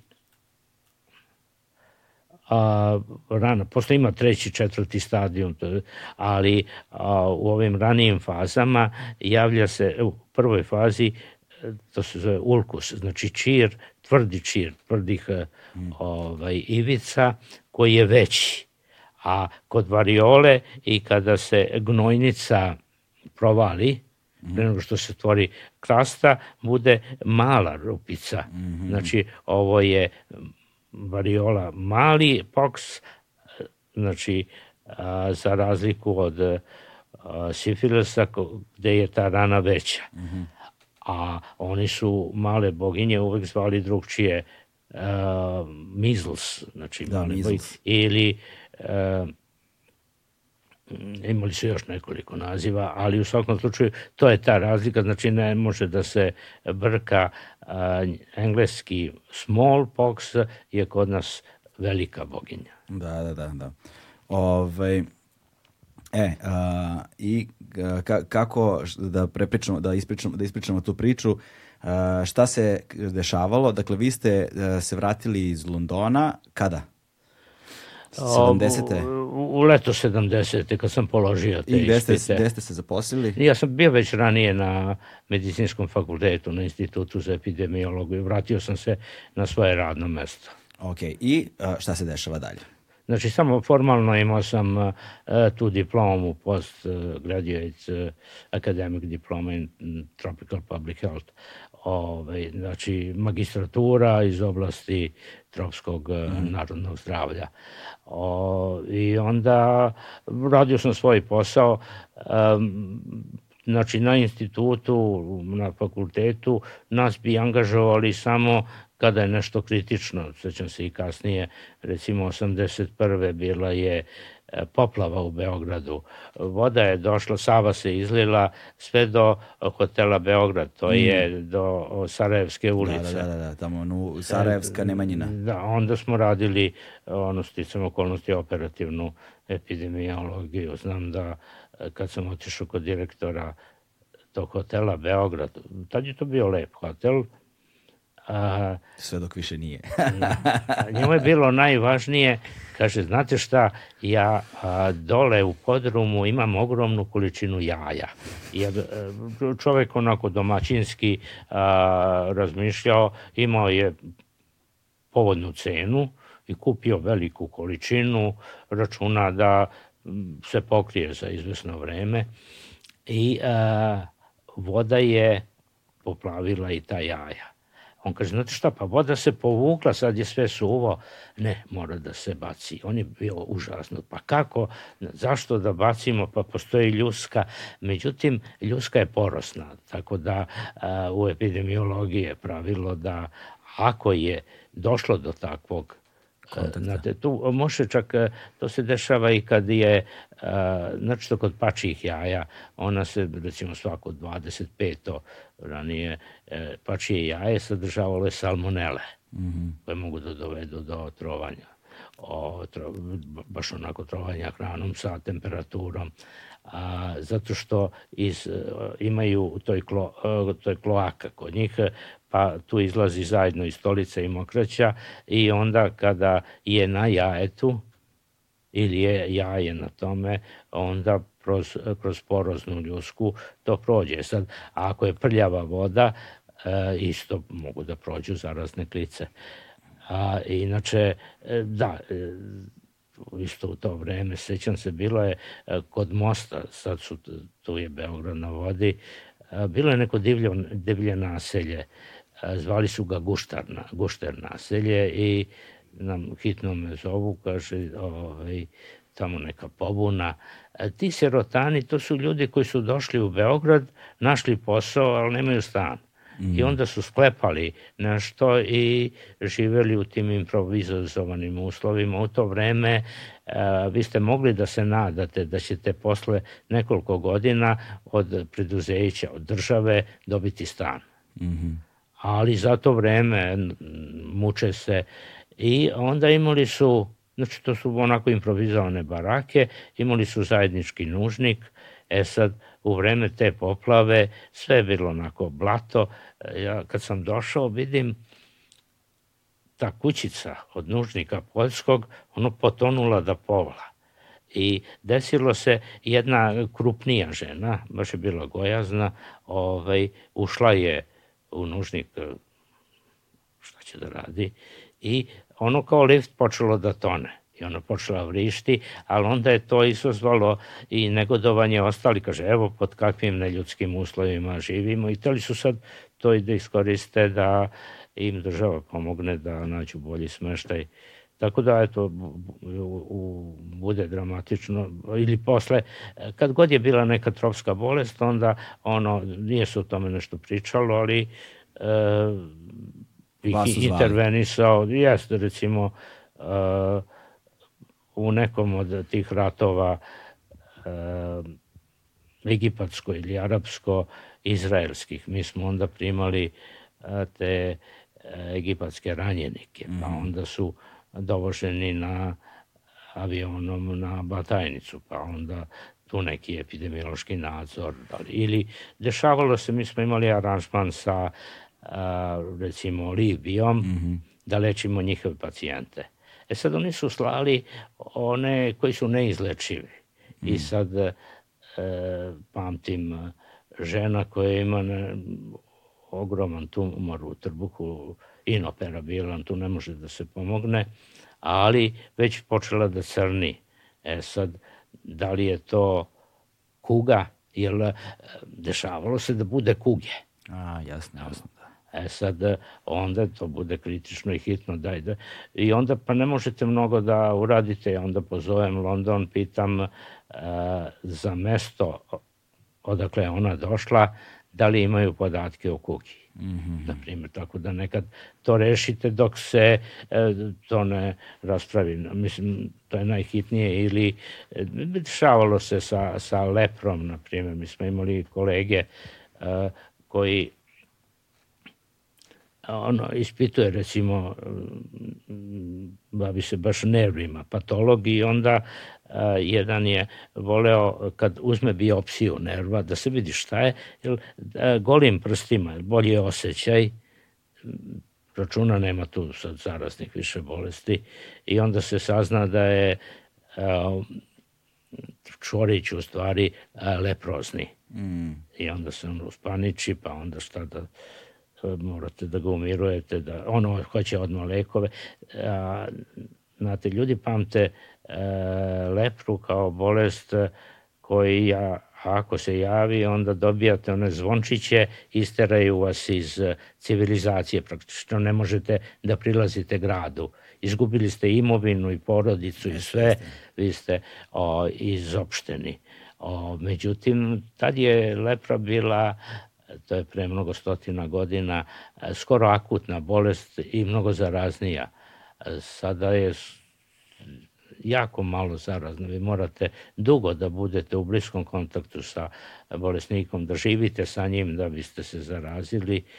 A, I to je hronična bolest koja decenijama može ono, da, da imate neku belu pegu ili neki čvoriste i niste svesni a, da ste bolesni. Tako da bilo je takvih mm -hmm. situacija, ali inače rutinski ja sam se bavio nastavom, ali to a, 72. onda su nas pozvali da se uključimo u suzbijanje variole. Sad desilo se da sam ja jedini bio vakcinisan. Um, hm. Sa tradicijom dugom skoro tri decenije, Legend Worldwide je prepoznatljiv domaći brend sa akcentom na jeans, pre svega, koji odlikuju bezvremenski, klasični modeli. Odnosno, prošlo je dve godine, osam meseci od vakcinacije, tako da sam ja a, mogao odmah da uđem u vatru, jer ja sam a, verovao u tu vakcinu. Da, da. Znao sam da A, bio je jedan primer 61. godine, jedan lekar je e, posle manje od tri godine posle vakcinacije mm. se zarazio, ali on je jako požrtvovano lečio bolesnicu jednu koja je imala taj hemoragijski oblik, znači samo krvi se izliva iz nje, a on je bio vrlo savestan i e, to je onda tolika izloženost da je probijen imunološki, odnosno imunski bedem. Da, da, da, da, da. Ali znalo se da je to sigurna vakcina, tako da nisam imao problem. Onda sam mogao odmah da uh, uđem u vatru, pa onda te noći 22. Na, ceo dan smo ono, intervenisali, onda 22. uveče kažu, pa evo, treba ići na spavanje, ali epidemija se nastavlja. Ko zna šta će se noćas dešavati, mora neko da dežura u gradskom sekretarijatu za zdravlje, to je na trgu Pašićevom, sad, je bio trg Maksa i Engelsa.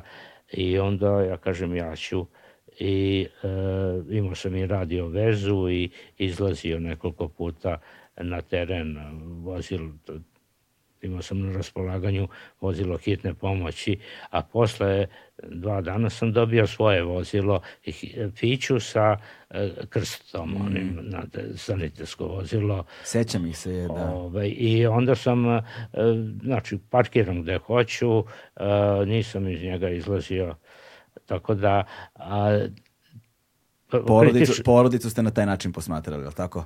O, I sanitetskog vozila? Ne, jednom sam došao da vidim decu, bilo su sitna deca. Ovaj, Mahali ste im kroz prozor pa fiće da. i to je to? E, inače spavao sam uglavnom u jednom od tih uh, karantina, van bolničkih karantina, to je ovaj motel nacional na Vežanijskoj kosi, tu sam imao svoju sobu. A tada, znači prva dve noći e, sam bio u tom gradskom sekretarijatu i onda ujutru smo se okupili, neko kaže, e pa sad ajde da odmenimo Zorana, a ovi ostali, pa čekaj, jedini je, jer ja nisam stigao sve da beležim, jedini ima u glavi, ono, ovaj je bio u kontaktu s onim, Pera znate, da, da. E, te veze, znači kad e, pomenu neko ime, da li je opasan, da li treba da ide u karantin ili ne, e, tako da se to, ovaj, te informacije su se skupljale i onda e, sam od tad bio u pogonu, a, prešao tamo u taj motel i, ali te prve dve noći sam spavao u gradskom sekretarijatu. Dobro, e sad kad govorimo dakle o tome kako se virus širio i dolazio, hoćemo da ispričamo tu priču i da vidimo šta se dešavalo tačno. Dakle, uh, prvi slučaj je bio... Pa, potreban je tu uvod. Vidite, mi smo bili tad ozbiljna zemlja, uh, poštovana i uh, problem je nastao što 74 usvojen novi ustav koji je derogirao ulogu federacije. Znači, federacija je razlašćena u velikoj meri, ali već 71. E, godine a, usvojeni su amandmani na ustav, na raniji ustav. I tu je počelo to razlačenje uloge federacije. Dakle, a, tada 71. mi smo tražili da iz epidemioloških razloga, a plašili smo se kolere, da se na Hadžiluk ide samo avionom. Mm -hmm. Jer a, e, kolera je bolest koja je pravila sedam pandemija. Prvi put 1817. godine, znači obišla poznati svet, došla do Evrope, pa onda 1930. pa treća sredinom 19. veka. E sad, 61. je počela sedma pandemija kolere. I ona je bila već i u Napolju pre toga. Tako da smo se baš brinuli jer na Hadžiluku se nađe u to vreme bilo je manje, sada je 2 miliona, čak i više, ali 70-ih više od milion. A, vernika iz celog sveta plus toliko domaćih iz Saudijske Arabije. I onda tu uvek postoji rizik, načito recimo epidemije meningitisa, meningokoknog, to je ozbiljan bakterijski meningitis, javljale su se posle hađa. E, razmene se, pogotovo što iz tropske Afrike stigne jedan soj e, meningokoka koji je karakterističan za tu sredinu, ali onda se raseje. Tako da smo mi tražili da zbog kolere, -hmm. nekako variola, nam nije bilo u prvom planu, mada dobro, i to smo imali u vidu, da se e, leti avionom, ali a, federacija je bila razlašćena. Nije postojalo ministarstvo zdravlja na saveznom nivou. To je bilo ministarstvo za rad, socijalna, boračka pitanja, zdravstvo i još neko. Da, tako da ministar je bio neki Vuko Draško, Drašković, mislim. Ove, ovaj, a imao je lekara, pomoćnika za zdravstvo nekog doktora Georgijevskog. Dakle, e, nije to moglo da se nametne. Ostavljeno je svakoj federalnoj e, e, jedinici da to rešava. Mm -hmm. I onda uvijek je bilo mnogo probitačnije i jeftinije ići autobusom. Mm -hmm. A onda hađija može usput da se nakupuje po raznim bazarima džinđuva i da tako isplati put i da zaradi. I e, tako se desilo da je jedan autobus išao u povratku preko Bagdada i onda su tamo obišli taj suk ili bazar, to je zatvorena pijaca i tu se sad nagađalo da li je ovaj indeksni slučaj, nulti slučaj naše epidemije, da li se tamo zarazio, to je bio 6. februar, i da li je on posle preneo bolest kapljicama ili kontaktom ili e, su u pitanju bili pokloni koje on tamo kupio. Aha, Pominjali su se neke pištaljke, neke igračke. Tako da a, ono što je činjenica je da je on bio 6. februara u Suku, Suk, bazar, zatvorena pijaca. Pijaca, da, tako zove, Bagdadska pijaca. Jeste. I ovaj, 15. su prešli granicu, vratili se u Jugoslaviju. On je 18. a to je tipično inkubacija od 12 dana, znači od 6. do 18. sam pričao da se osjećao loše i da je celu noć proveo a, drhteći kraj fur, furune. Mm -hmm. Imao groznicu, ali a, nije imao neke promene. Sad, verovatno je imao minimalne koje su kasnije kad je, jer do polovine februara, se, marta se nije znalo za variolu, do tad je to i ono što je imao iscelilo. Ovaj, tako da je on onda 21. se već osjećao bolje, to je bio pijačni dan, on je otišao u Đakovicu. Sa Kosova? Da. A, a, a, Đakovica je isto Kosovo. Ne, ne, nego mislim on je sa Kosova. On je sa Kosova, jeste. Sa Kosova. Zove, to je, on to u pitanju Ibrahim Hoti. Jeste, Hoti, to, to je Saludanjan i to, to je sve blizu. Tako mm. da a, od osam ljudi koje on zarazio a, u Đakovici tog petka pijačnog dana 21. po sedmoro je bilo na jednom od tri mesta na kojima i on.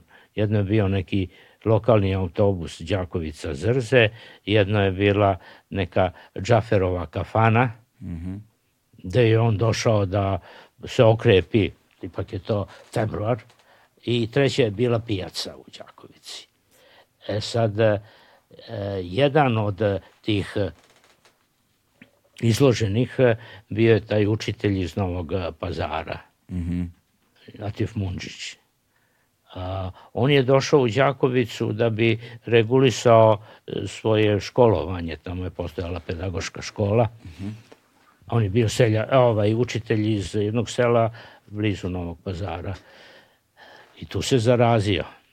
Ljatev je e, negde početkom marta, 3. marta se osjećao loše. -huh. A kod e, variole postoji taj prodromalni početni stadijum, -huh koji traje 2-3 dana, a tu može bude temperatura, respiratorni simptomi, čovjek se loše osjeća, pa onda kratka pauza i onda počne izbi, izbijanje ospe.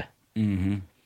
E sad, a on je otišao sa tim prvim simptomima, dakle koža čista, malo kao upaljena guša i dobio antibiotike a onda njemu sve lošije i dođe sa ospom.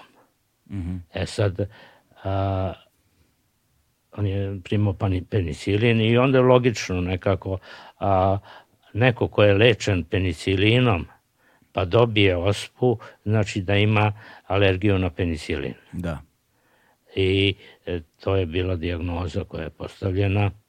Međutim, e, njemu sve lošije i onda je osmog rešeno da bude poslat u Čačak na dermatovenerološko odeljenje Čačanske bolnice, ali rekli su njemu i njegovom braku da se snađu za prevoz. Mm. Znači nisu ih prebacili.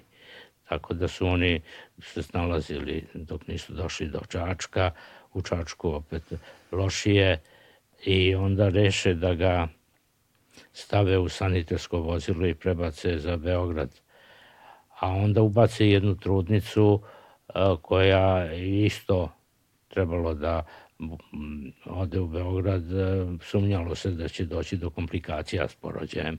E, srećom, ta trudnica koja je provela dva ili malo više sati e, sa njim u vozilu, rodila je zdravu bebu, u njoj nije bilo ništa A Ljatif je deveto kad je stigao u na dermatovenerološku kliniku, na kožnu kliniku našu, onda prikazan je studentima kao težak slučaj alergije na penicilin.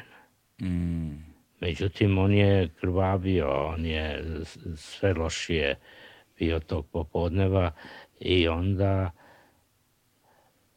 bio jedan dečak, neki Ljuba Moljac, imao je 13 godina, jako onako živahan, njemu je doktorka koja ga je lečila, jako požrtvovana doktorka u filmu je igra Dušica Žegarac govorila a, ljubo luda glavo ti nećeš odrasti kako si onako nepredvidiv živahan i on je trčao, ulazio je u Ljatifovu sobu, Čiko šta ti, jel mogu da ti pomognem i tako. A Ljatif je išao i do um, nužnika i tamo je kolabirao, znači gubi krv i dežurni lekar uveče odredi šest uh, bolesnika da ga nose. Mm -hmm. E, sad i to je za današnje vreme nezamislivo da vi zapucate kroz klinički centar, pa onda Resavskom ulicom sve do ugla uh, sa Birčaninom, gde sad je tamo urološka klinika, u ono vreme to je bila uh, urgentna hirurgija i traumatologija prve hiruške klinike, izmešten deo prve hiruške klinike, a, zato što su oni bili dežurni. Znači oni idu ulicom, nose ovog nesrećnika. Ljatifa. Ljatifa. Nastavnika iz Novog pazara. Jeste. Da. I a, doktor koji je išao sa njima je dobio variolu. A ja sam kasno saznao malo, nisu mi rekli za tog, a, to je viši tehničar, mm -hmm. da je bio sa njima. Ja sam se skoncentrisao na doktora, na ovih šest a, koji su nosili, četvorica su oboleli. A kad sam saznao, to prošlo su dva, tri dana, pa što ste mi, što mi niste rekli gde je on, on je negde umeđu vremenu otišao u svoje selo, ovaj, i onda s računom već je prošla bila inkubacija dok sam raščistio i onda sam se ljutio na ove što mi nisu pomenuli njega. Vi ste tad imali 32 godine, tako? Jeste, jeste. I onda pitam kolege lekare i e, sestre tamo, pa kako mi niste rekli za Aca se, mislim, zvao. A pa kaže, on je lenčtina, znate, on nije prilazio sigurno bolesniku, on je bio ili ispred ili iza nosila. I sad zaista on je ostao zdrav. Ove, nije mu bilo ništa, a ono neprijatna epizoda isto nisu mi rekli, e, sami su se stidjeli ili su se gadili, ja ne znam, a rekli su mi posle 5-6 dana valjda da je znači tog 22. u 13.08 je blokirana klinika. Došla policija, niko ne sme da uđe, niko da izađe. Mm -hmm. Znači, i od posetilaca, ko se našao tu, gotovo je, ostaje. Ovaj, a partijska sekretarka, znači e, doktorka koja je bila e, sekretar Saveza komunista, iskoči kroz prozor i pobegne. Uje. A očekujete da e, u to vreme, znači partijski sekretar onda posebno brine da pomogne da se organizuje e, u takvoj nesreći, da se e, učini da posledice budu što, što manje. Ona sprisala, a, navodno pravdala se posle da je muž crnogorac i ne bi dozvolio da ona noći provodi sa drugima. Tako da to je bio onako baš neprijatan jedan podatak za koji e, nisam e, na vreme e, znao. E sad, tamo ovaj učenik je bio u jednom delu šoka, šok sobe. Pa onda a, oni konstatuju da to nije hiruški slučaj. Mm -hmm. Znači, ajde da ga vrate, a, odakle je i donet. I počnu da ga iznose, ali on počne tad jako mnogo da krvavi i onda ga vrate umeđu vremenu promenjeni čašap je ovamo za narednog bolesnika, vrate ga u drugi deo šok sobe, tako da je došlo zaraža, do zaražavanja u oba dela i a, on tu desetog i umre. Ljatif. Ljatif, jeste. I sad, porodica odbila obdukciju. Mm. Tražili su da ga odmah transportuju i sahranjen je narednog dana. Tako da mi nismo ništa o tome znali e, dok e, se nije razboleo njegov brat. I onda tek um, sanitarna inspektorka koja je proveravala slučaj, a brat je bio rezigniran što Ljatifu nisu postavili dijagnozu, što su ih terali da idu, da se sami snalaze mm. do Čačka i nije prvo te ono mnogo ni da sarađuje, a onda je sanitarna inspektorka dala nalog da se, to je 20. ili 21. da se proveri i e, 22. sve je bilo jasno.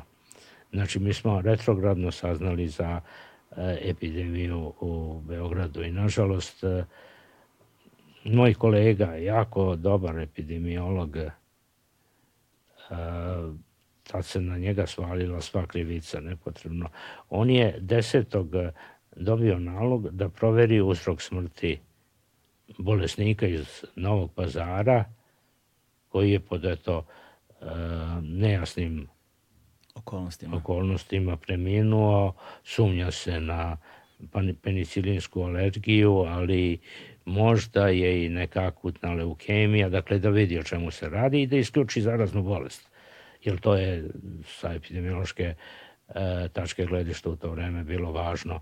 Dakle, e, on ode tamo, pita ko je preminuli, učitelj odakle iz Nova Pazara, da li je nekud putovao, jer variole nema. Znači, može da bude bolestan samo ako je išao nekuda i zarazio se, međutim nije nikuda putovao.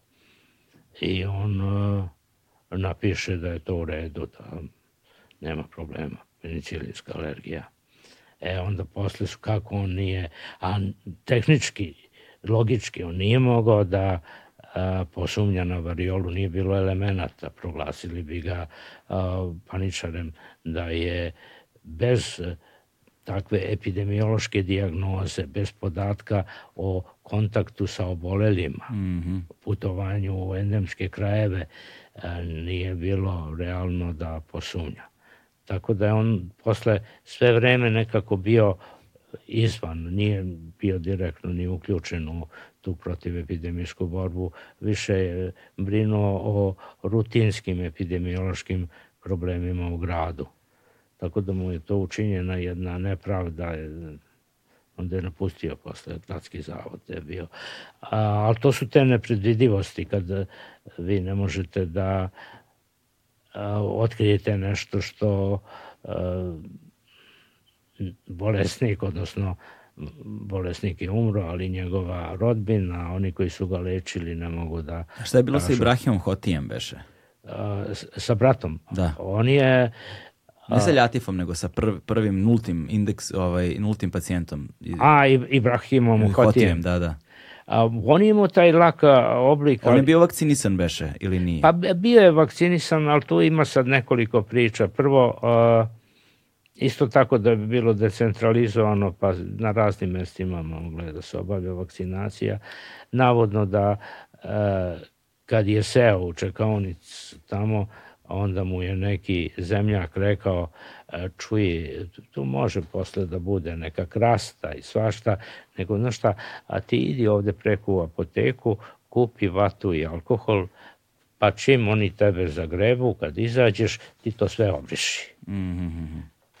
E sad, da li zbog toga je on uh, recimo bio samo malo zaštićen pa imao blag oblik ili ga je štitilo što isto moguće, ja ne sećam se koliko je imao godina, ali bio je relativno mlad čovek, možda ga je štitila vakcinacija iz vojske, mm. jer pre odlaska u vojsku vakcinacija protiv velikih boginja je bila obavezna. Ali je prošlo više od tri godine. Pa više, ali e, dešavalo se da i posle deseta godina neko bude zaštićen. Nema tu pravila, to nije Jasne. kao ono sa kirčetom presečeno. Dakle, a, ono što je sigurno je da tri godine ste zaštićeni, mm -hmm. ali neko je pet, neko, se, neko može i deset godina. Jasno, jasno, jasno. Znači, njegov imunološki bedem, takozvani, je postojao, ali je bio slab. I on je bio e pa, zaražen, ali se oporavio. Imao je, jeste, blag e, oblik, ali on je zarazio i e, to je sad interesantno, a, neke svoje rođake koji su došli, a nije zarazio neke ukućane. Mm. On je zarazio ukupno 11 osoba, a a neke devojčice iz Danjana, rođake kojima je doneo poklone, ali nešto u to vreme, prvo, ja ne mogu sad da se setim strukture domaćinstva, a, oni koji su išli u školu bili su vakcinisani, a, neki, znači to žene možda nisu ni dolazile u kontakt blizak sa njim. Da, da, da. da, da. Jer e, variola je mnogo manje zarazna bolest od e, COVID-a, na mm, primjer. Mm, jasno, jasno, jasno. Otprilike u neimunizovanoj sredini jedan bolesnik zarazi 5 do 7 bližnjih. A to je ako su svi oni osetljivi, a ako su neki vakcinisani, onda je taj broj manji. Jasno, jasno, jasno. I šta se dešava dalje? Dakle, uh, uh, doktor, zaboravio sam sad njegovo ime, a ne znam da ste ga pomenuli, koji je ustanovljavao da li je Ljativ putovao negde, je ustanovio da nije bilo razloga da se sumnja na variolu. Da, e, što... da na, namerno sam prećutao ime, peni čovjek jasne, bio. Jasne.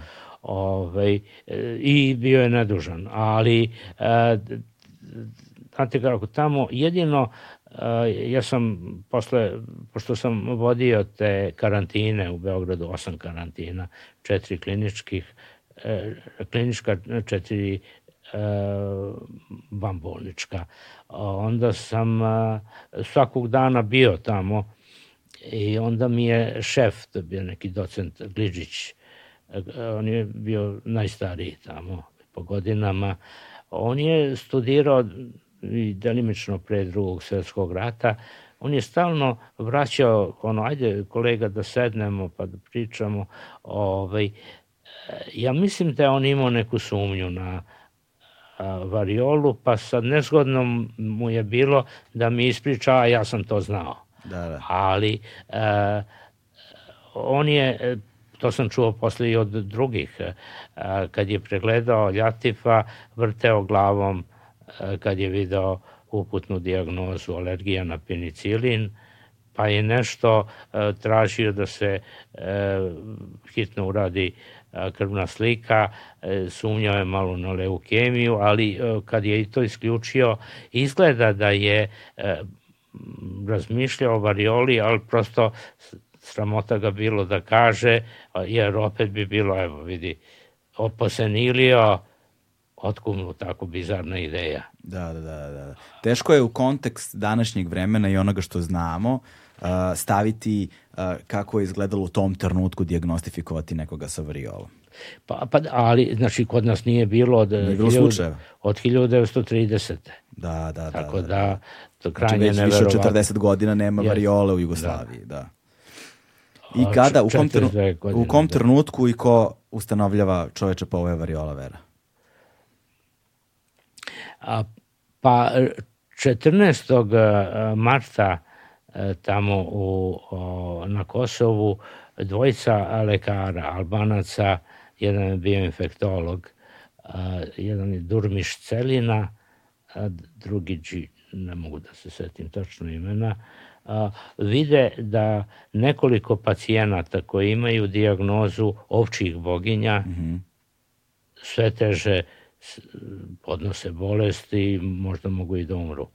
Znači, postaje im jasno, to nisu ovčije boginje, a ipak a, imaju i infektološka znanja i specializaciju i onda posumnjaju, ali iz istih razloga da ih ne bi proglasili smešnim, oni su tražili, znači postavili radnu diagnozu, tražili da dođe ekipa iz Torlaka da uzme uzorke iz tih promena na koži mm -hmm. i da direktno proveri da li je u pitanju virus. Dakle, oni su postavili diagnozu radnu 14. marta.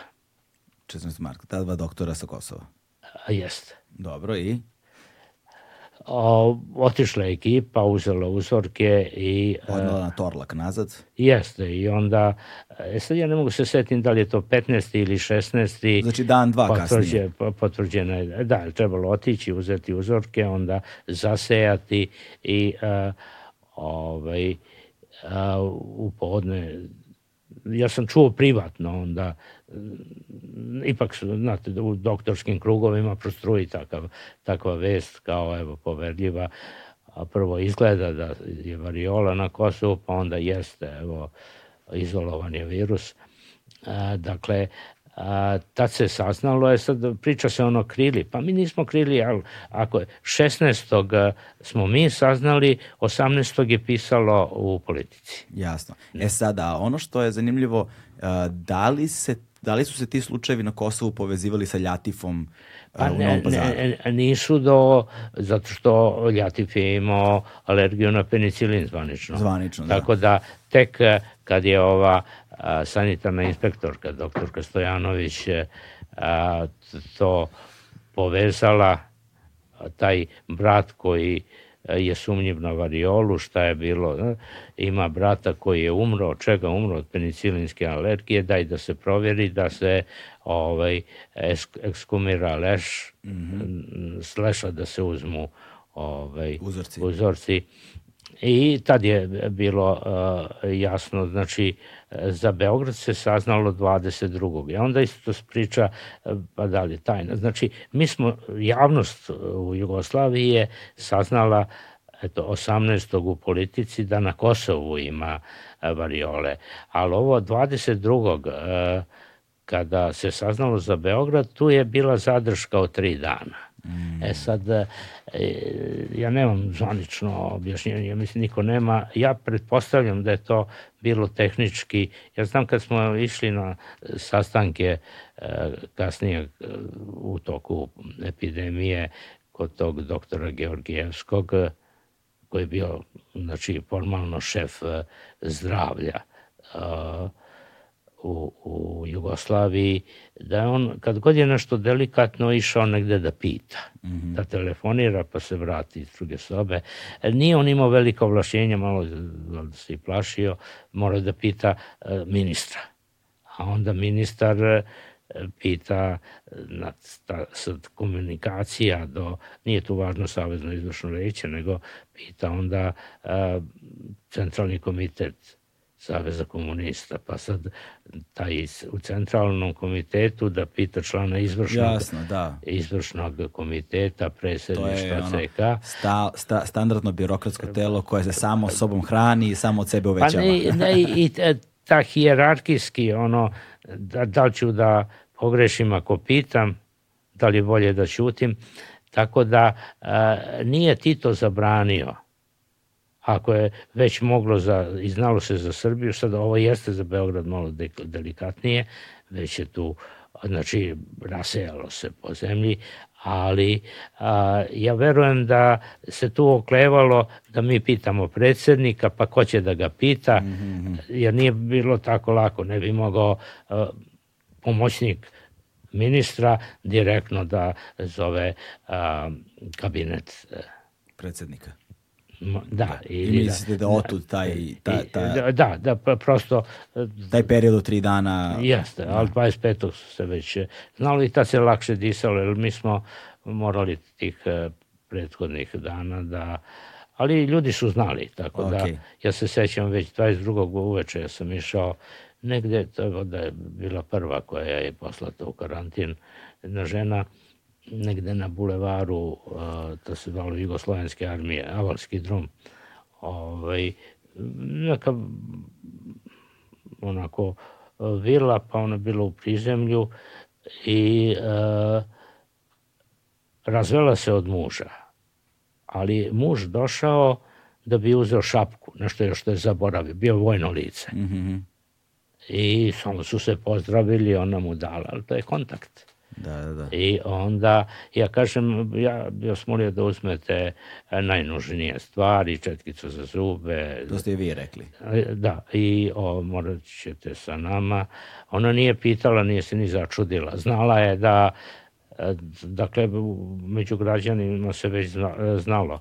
A, tako da smo mi počeli da punimo te karantine. Dakle, a, oni koji su bili u zdravstvenim ustanovama ostali su tamo, a oni koji su umeđu vremenu izašli su morali da a, se jave, pa onda mi smo 25. dali obaveštenje da svi koji su bili 9. i 10. na kožnoj klinici na a, u tom traumatologiji i urgentnoj hirurgiji a, moraju da se jave, odnosno da je u njihovom interesu i onda su se ljudi masovno javljali i onda smo prema a, u svakom konkretnom slučaju odlučivali da li će da ide u karantin. Tako je bilo preko hiljadu ljudi na kraju koji su a, završili u jednom od ta četiri karantina. Prvi bio Mladost, na, sada je to Hotel M na mm, u bulevaru. Avalskom. Jest, Bulevar oslobođenja. Oslobođenja, Tako je, da, da. Ove, a, pa onda Nacional, pa a, dalje smo otvarali Šumadija i Zavale. Mm -hmm. I ko je bio četvrti? A, Mladost, Nacional, Šumadija? Šumadija, a, koji beše četvrti. A klinički centar? Ne, to, su, to je drugo. Imali smo četiri bolnička Aha. karantina, a ovo su četiri vanbolnička. Uh, setit ću se. Nema veze. Da. Uh, obilazio sam mm -hmm. sva četiri. Ove, ovaj, tako da, e, tu su ljudi, nije se postavljalo pitanje, svi su bili e, spremni da sarađuju, ali to je i ozbiljna bolest, čak su insistirali da dođu u karantin zato što je e, tu ipak e, lekar onda Tretman. odmah će dobiti, jes, i dobili su i tu zaštitu, dobili su ne samo vakcinu, nego i gama globulin. Mm -hmm. Znači pasivnu zaštitu koje gama globulin je bio dragocen, nije ga bilo da se onako široko daje. Tako da najbolja zaštita. Davali smo i lek jedan neki, zvao se Marboran, on je to, dosta toksičan.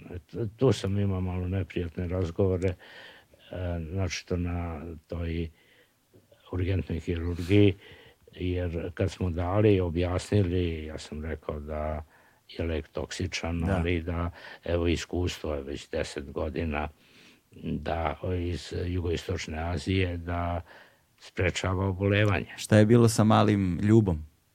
Ljubo je umro zato što on nikad nije vakcinisan. On je od rođenja zbog te svoje kožne bolesti i dolazio povremeno na kliniku, mm. a e, znači kad imate promene na koži, to je kontraindikacija za vakcinaciju.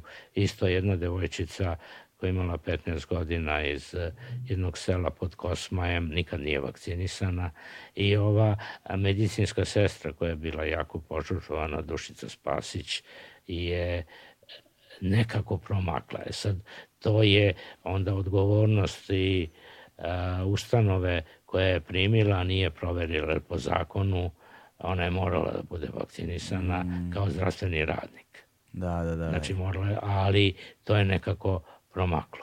Na kraju mali Ljuba i ova devojčica zaista nisu nikad odrasli. Pa nis, nažalost jeste. E, još jedna mlada osoba, ali Dušica je imala 21, mislim, godinu. Mm, mlada e, sad vidite, tu je razlika. E, Goran Marković je napravio odličan film a, sa te umetničke strane, ali to nije prikaz uh, epidemije. On nije ni hteo da pravi dokumentarni film. Da, da. Dokumentarac je pravio Mladen Kovačević. Jasno. Uh, uzgled, uh, da ne zaboravim, vidite, Mladen je, uh, on je dobio silne nagrade uh, za svoje ranije filmove, za uh, jedan je dobio u Ibici nagradu, za jedan negde, isto negde u Španiji, uh, pre dve godine, ovde postoji već 30 i više godina Beogradski festival dokumentarnog filma Sedam veličanstvenih. Da, je, Sedam veličanstvenih. Znači, sedam god, 30 e, i ne znam koliko godina bira se sedam najboljih filmova na međunarodnom planu i to je međunarodni žiri. I samo dva puta za sve te decenije e, bio je neki e, naš film. A pre dve godine Mladenov film o Kinezima. Mm -hmm. On je bio u Kini, napravio jedan sjajan dokumentarac, je otvorio festival. Znači, ne samo da je bio jedan od sedam, nego je otvorio. I dobio je mladim prvu nagradu i u Sarajevu pre dve godine. Mm -hmm. Dakle, ono, po pravilu je dobio nagrade, a ovde je očekivao i u Karlovim Varima i u Lisabonu a, i njemu su članovi žirija govorili da je film sjajan umetnički, ali su mu onako privatno rekli e, da im smeta što se u filmu promoviše vakcinacija, a svi ti e, članovi žirija uglavnom su levičari mm. i onda ne vole nametanja obaveze koje država a, nameće građanima i onda im je to malo smetalo i onda zbog toga ono hvalili su film, ali ga do sada nisu nagradili. Mm, zanimljivo.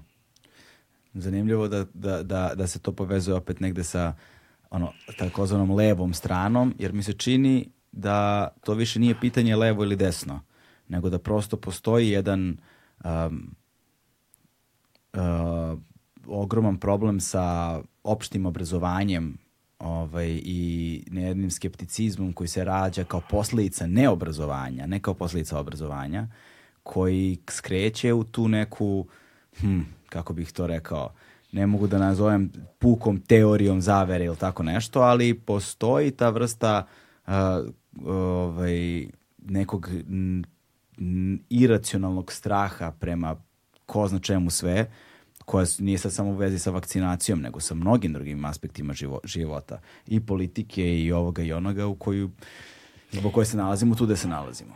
Pa, znate kako, to je komplikovano pitanje. Recimo, u vreme variole, ali to je sad bila i ozbiljna bolest, ljudi su jurili da budu vakcinisani. To su bili redovi. Pa da, to sam zaključio iz dokumentarnog filma, da. Znači, da su znači, se masovno studenti svi, da su se da su ljudi u, u masovno vakcinisali u rekordnom reku, roku. Da, da, 18,5 miliona od 20 miliona je vakcinisano za koliko? Za dve, tri nedelje. To, to je... Ceo svet je bio fasciniran, ali znači, ljudi su onda čak dolazili, tražili imunoglobuline, dodatnu zaštitu, ali e, Dolazili su, vidio sam u dokumentar filmu su bili ljudi koji se više puta vakcinisali. e, e, da, e, bilo je, ne, e, e sad to je bilo, recimo, ja sam se malo nelagodno osjećao, moj kolega stariji, mm -hmm.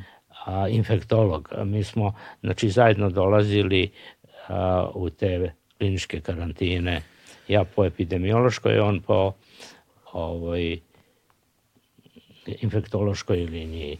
I on je nekoliko puta vakcinisan, ali u to vreme je kriterijum da se vakcina primila, bila je promjena na koši. Mm -hmm. I on je 5-6 puta ono grebana mu je koža, odnosno bockana tom dvorogom iglom, nema promjena. Ja sam siguran da je on reagovao, ali u to vreme to nam je bio kriterijum. Znači, zvanično on je nevakcinisan i onda je on mučenik a bio obučen kao na ovoj slici. Dakle, imao je mantil, kapuljaču, ove goggles, ove da, naočare, naočare. Dakle, nigde e, deo slobodne kože uh, i onda je to na ulazu, recimo, u kožnu kliniku, dva put smo se sreli, meni bude neprijatno jer ja sam stavljao samo ovu hirušku masku. Mm. Prosto računao sam onako red. I sad e, tamo su bili loši međuljudski odnosi i e, tamo negde na početku a, ja im sad govorim, ne znam, bilo je tu kad ćemo taj marboran da delimo a, puno i tehničkih pitanja i a, kad će da izađu i tako. A, I onda jedan onako podozriv tip, ali negde se još sakrio, kaže, hoćete li kafu? Računajući, sad ću ja da se preplašim, ili da bi pio kafu, ja moram da skinem masku. I onda kažem, rado ako da. I u to vreme, ajde sramota me da priznam, ali ja sam pušio. Aha. I onda izvadim iz paklu cigareta. Međutim, ovi ostali onda krenu e, na njega, čuti budalo, i računali su sad, o, mogu da se naljutim s jedne strane, a, e, što me provocira, a mogu da se uplašim, a, evo ovi traže da skinem masku, neću više da ne dolazim, ako im ne dolazim, nemaju komunikaciju sa svetom. Jasno. Ove, ovaj, tako da je to svaćeno bilo kao krajnje nekorektan potez. Ove, ovaj, ali nisam imao problem, kažem, zato što sam umeđu vremenu dobio i imunoglobulin. Ali taj marboran e, nisam ni bilo potrebe. To dobio, je toksični lek. Jeste, mm. ali to ja objasnim ujutru i trebalo je druga kesicu da piju uveče, a onda me hitno zovu tamo sa traumatologije, evo, ovaj, pozlilo je im loše, ja dođem, pa kaže, mi imamo crnu mokraću, povraćamo, šta da radimo?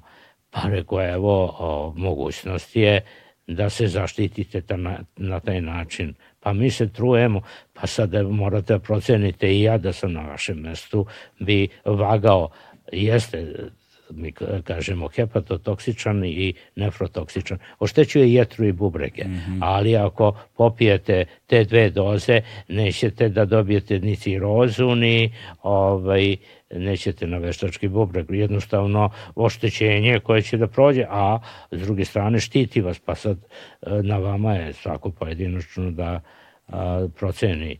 I onda bunili su se, ali e, velika većina je popila i drugu dozu. Jasno, jasno, jasno. Jasno. I koliko je ukupno trajala zapravo uh, epidemija variola u Jugoslaviji? Ja ne mogu da se setim datuma. Uh,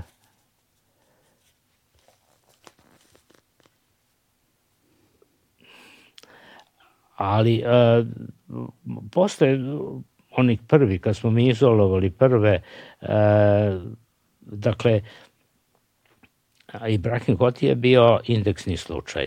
Onda smo imali prvi talas, mm -hmm. to su oni koje on zarazio od 18 odnosno 21. kad je bio u Đakovici. Februara, pa, tako.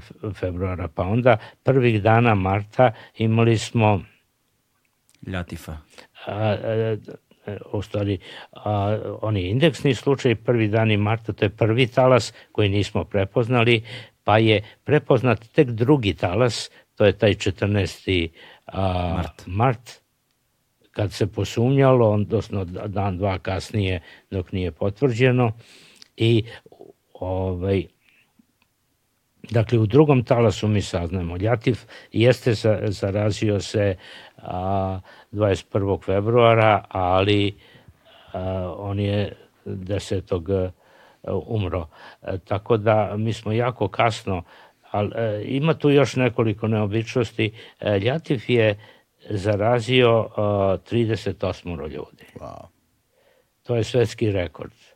I ovaj Ibrahim Hoti koji je bio blag oblik, zarazio je 11, to je neuveč, neuobičajeno mnogo. Mm -hmm.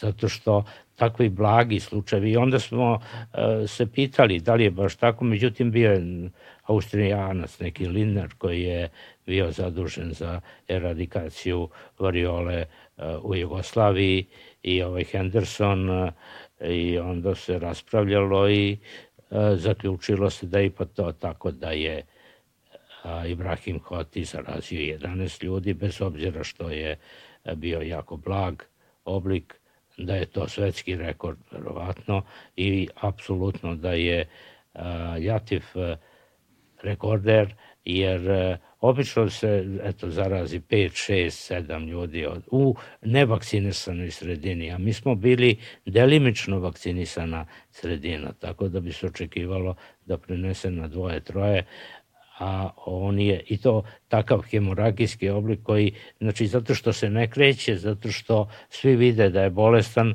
pa mu se manje prilazi, ponekad da, da, ob, ob, blag oblik zato što je pokretan, mobilan, i ne zna da je bolestan, može da, da zaradi da, dosta. To je, to je veliki problem bio zapravo sa uh, prvom ovakvom globalnom jel te, epidemijom, odnosno pandemijom kada je COVID u pitanju, upravo zbog toga što je nekoliko, nekoliko faktora, čini mi se, koji su uticali e, s jedne strane jeste taj proces, inku, period inkubacije i toga kakva je klinička slika u suštini kod velikog broja ljudi, tako da su oni mogli da zaraze, la, mnogo lakša zaraza. Uh, I treća stvar, nešto što živimo u savremenom dobu, ono low cost aviona, kompanija, gde u roku nekoliko mm. dana su se ljudi razleteli po planeti. pa jeste, problem je, vidite, 2003. godine, na primjer, kad se javio SARS, mm -hmm. ovaj, e, posle, ajde, sa MERSom je lakše. SARS je, znači, teški akutni respiratorni sindrom, zato što S je sivir, težak Sivir, da. engleskom. Da. Ovaj, a, Kinezi su malo kasno a, prijavili, pa se bolest a, rasejala do Kanade, bilo je u 30 i nešto zemalja je stigla, a, ali onda su primenjene baš rigorozne mere, karantin, surov, a, kinezi su se bunili, ono, pitomi kanadjani koji su vrlo tolerantni su odmah smeštali u izolaciju i bolest je nestala. Da. Ali e, to je teža bolest, znatno teža i nema toliko tih asimptomatskih, znači besimptomnih mm. oblika, tako da je onda bilo lakše vi prepoznate i izolujete. A i teže su se kretali ljudi kada, kada, kada obole, kada pokaže da, simptome. Da, ali osnovno je bilo da znači, nema tih e, besimptomnih i uh, teška bolest, teška klinička slika, izolujete, tako da je ostalo na malo manje od 800, 8000 zaraženih ukupno i oko 800 umrlih, 10%, svaki deseti umro. A ovde e, ne može da se kaže da su kinezi skrivali za razliku od nekih prethodnih situacija. Kad, jer to je takav e, sistem rigidan, zatvoren i onda i kad e, neće namerno nešto da kriju prosto dok e, birokratski ode informacija do CK, pitanje pa odgovor, pa dok reše da puste. Međutim, ovde oni su e, već, znači prijavili su 31. januara 31. decembra 2019. Svetskoj zdravstvenoj organizaciji 9. januara oni su već dali genom, znači podatke o strukturi novog virusa. Mm -hmm. Pa ste na osnovu toga mogli da pravite i testovi. Australijanci su onda, čini mi se 11. da ponudili i virus. Tako da onda vam je lako pravite testove. Znači tu nije bilo nekog skrivanja ovoga puta, nego jednostavno bole se e, lako rasejavala vi imate e, za grip, na primer, 10 osoba za, zarazi 14 drugih. Mm -hmm. Pa tih 14 zaraze 18 e, ili 19 koliko. Pa onda oni i tako, pa se polako povećava. Ovde e, kod variole, znači u takvoj, mi kažemo virginalnoj, znači devičanskoj netaknutoj sredini, kad su svi osetljivi, eto, zarazi pet. A ovaj, kod COVID-a, znači to sa ovim omikronom, to je više. Najviše kod malih boginja. Jedna osoba zarazi 15. Mm. Od 12 do 18. O, 15 u proseku. Ali ovo, pošto je zaraznija bolest, onda a, Englezi su napravili procenu kada su Kinezi mislili da imaju nekoliko desetina bolesnih, u stvari bilo je mnogo stotina. Oni su pravili model prema tome kako se ko zarazi, pa onda koliko se putuje, ali sad imali su i drugi pristup. Kinezi su otkrivali one koji su bolesni, a onda Englezi su one koji su na aerodromima imali pozitivan test. Mm -hmm. A tu spadaju mnogi koji su bez ikakvih simptoma. Da, Kad mu da, da. kažete da je pozitivan, on se iznenadi. Ali a, takva je bolest, tako da e, moralo je tako da bude i e, ono će ostati s nama. Dakle, odmah je bilo na početku jasno da neće da nestane kao SARS. A, MERS nije nestao, ali MERS se mnogo teže prenosi. Mm -hmm. MERS, to znači Middle East eh, respiratorni sin, eh, respiratorni sindrom. To ptiči, tako zvani? Eh, ne, ne, on se prenosi sa a, kamila uglavnom. Mm. A, tu je potreban obično kontakt sa kamilom. Zbog toga veliki broj slučajeva u Saudijskoj Arabiji, u Jemenu, jasno, Omanu. Jasno, jasno, da, da, da. Ove, ovaj, ali onda hoće da se prenese, međutim nema taj potencijal uh, jedan zaraženi zarazi manje od jedne osobe. Mm -hmm. Znači ili nula ili jednu, pa kad je taj indeks manji od jedan, onda bole se e, spontano gasi. A ovde mi ćemo sad e, naučiti da živimo sa covidom, on će biti tu kao što pre toga postoje četiri koronavirusa koji su vezani za naziv, za jako blagu kliničku sliku. A pokazalo se, vi možete kad ispitujete genom, znači naslednu materiju virusa, e, dosta toga da zaključite o prošlosti. Tako da prema mutacijama može retrogradno da se ustanovi da su se oni prvi put javili pre nekoliko stotina godina, kako koji mm. negde od 13. do 17. veka i da su u trenutku kada su preneti na ljude pravili ovakve situacije, znači nešto što bi odgovaralo pandemiji, obolevalo se masovno, bila teža klinička slika, a onda vremenom to je onda interes i čoveka i virusa da klinička slika bude blaža. Jer virus je in, u interesu da ako može ceo univerzum popuni svojim nasledstvom, mm. svojim potomcima. Znači, da se nesmetano uh, rasejava. A to će postići ako izaziva blažu kliničku sliku. Da. Znate, a ako uh, dovede do dramatične kliničke slike uh, uginuća životinje ili umiranja čoveka, onda životinju duboko zakopaju i preliju krečem onda je to smrt i za mikroorganizme. Da. Zato je malo, recimo, antraksa.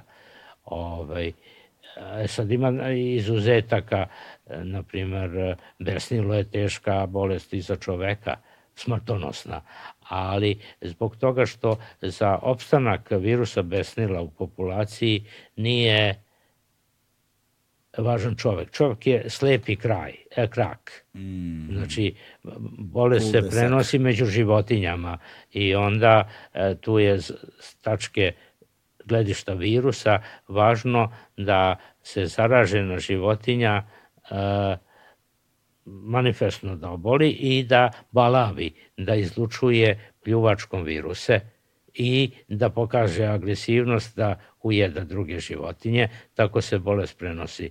A sad, ako slučajno se prenese na čoveka, pa sad tu je kraj, to je slepi kolosek, on neće nikog ni da ugrize, ni, čak češće ima, postoje dva oblika, jedan je taj sa grčevima, a drugi je paralitični, oba su vode smrti, vrlo su neprijatna ovaj, bolje umreti od nekog drugog uzroka, ali a, nije to Čekaj, značajno čovjek, za opstanak čovjek, virusa. Kad čovjek oboli od besnila, ali može da se zaustavi bolest? A ne. Ne, znači mora, može samo preventivno. Može samo vakcinom da se spreči, a ako se javi klinička slika, to je smrt. Mm. Postoje u literaturi svetskoj e, slučajevi e, u Brazilu, sve u svemu nekoliko na prste jedne ruke mogu da se nabroje primeri da je neko ispoljio kliničku sliku, a preživeo. Mm. Ali praktično smrtnost je 100%, a i u tim neki su sporni, a, je u nekim slučajevima vakcina data pred samo obolevanje, u nekima je davan ogromne količine seruma. Tako, inače, ništa ne pomogne po pravilu kada se bolest već javi. Samo treba izolovati nesrećnika i da, tu je kraj. Uh, kada, se variol, kada je zvaničan slučaj variole bio u Jugoslaviji, kada je javnost saznala, uh, ono što je zanimljivo takođe jeste da je bio, bila i ogromna zainteresovanost, jel te, i ogroman pritisak uh, s druge strane javnosti u Evropi svi su posmatrali, ono, ne znam, što da kažu, dokumentarni snimci tamo Francuska, Nemačka, ovamo, namo, svi su posmatrali šta će da se desi u Jugoslaviji i da li će ti slučajevi iz Jugoslavije da se preliju dalje na, na Evropu. Kako su izgledali ti trenuci, koliko je veliki pritisak na vas bio tada i, a, a, i da li i ti stručnici koji su dolazili, dolazili su ovde, ali beše, jel tako? Ili, da, da, da. da, da. Kako je to izgledalo? A, ceo svet je gledao da nam pomogne. To je bio i njihov interes. A ako se kod nas razbukti bolest, ugrozit će i njih. Da. Dakle, i čak iz čisto sebičnih razloga a, oni su gledali da nam dostave što više vakcina, što više a, tih imunoglobulina, a, svu ono, sanitetsku pomoć, materijal, oprema, a, to je stizalo onako baš obilato na Surčin i onda je odatle raspoređivano. A, tako da pomoć je bila baš e, nesebična. A, jedino što onda kod nas su bile trzavice između republika mm -hmm. recimo ono epidemiološka doktrina kaže da vi prvo u takvoj situaciji treba da pomognete u žarištu znači na Kosovu mm -hmm. Međutim, pre Kosova Slovenija odmah proglasila obaveznu vakcinaciju. A vakcina nije bilo dovoljno, one su stizale. E sad, a istovremeno su se borili da dobiju što više vakcina za sebe. To je malo sebičan pristup, jer a, oni nisu bili ugroženi. Da, da, da. E sad, da li je ismišljeno, e, nisam siguran, a, pominjano je da postoje karantin u Mariboru. Pa onda pominje se da je bio neki slučaj, zvanično nije bio. Mm -hmm. Oni su nekog stavili u karantin. Da li je to urađeno da bi e, dobili što više vakcina. Opravdali vakcinaciju. E, da, pa, pa sad, e, jer Hrvatska je prvo razumno rekla da neće da vakciniše u tom trenutku, čeka razvoj situacije ali onda kada je Slovenija a, objavila da ide na masovnu obaveznu vakcinaciju, onda je to uradila i Hrvatska.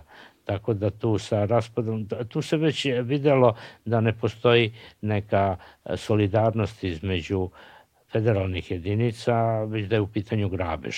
Mm, da jer eto, logika prosta kaže vakciniši u žarištu i tebi će biti bolje, jer ako tamo sprečiš rasejavanje bolesti, ona neće doći ni do tebe, ali činjenica je da recimo kad se saznalo za Ljatifa, onda istovremeno, retrogradno, evo dan ranije umrla devojčica tamo u jednom selu, šta je uzrok smrti, povezana epidemiološki sa jaftifom, onda sve jasno.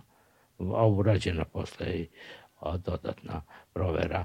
Ovaj, pa onda odjednom znači, imate neko trnjane kod Požarevca, pa Morović e, o, u Sremu, sve se iskaču a, e, slučajevi. Znači odjednom nije Beograd, nego e, Čačak iskače, iskače u Novom pazaru i a, još dok to sa ljatifom nije razjašnjeno, znači vi imate metastaze te kosovske epidemije svuda.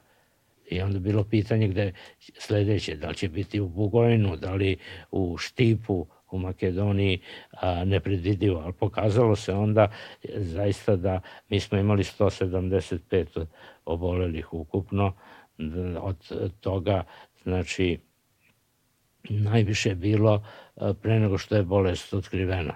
Posle mm. toga, recimo u Beogradu, mi smo imali e, 27 u prvom talasu i sad onda biste očekivali drugi talas sa 270. Mi smo u drugom talasu imali pet, trećeg talasa nije bilo. To je izvanredan uspeh. To je neverovatan uspeh. Da. Posebno sad kada znamo da, globalno svi kakva su nam iskustva sa pandemijom da, da. i kakva su nam iskustva sa vakcinacijom, o, o, na, na, to onda služi kao platno na kojem se vrlo lepo slikava kakav je uspeh bila zapravo vakcinacija uh, i borba sa epidemijom variole vere 72. godine u Jugoslaviji.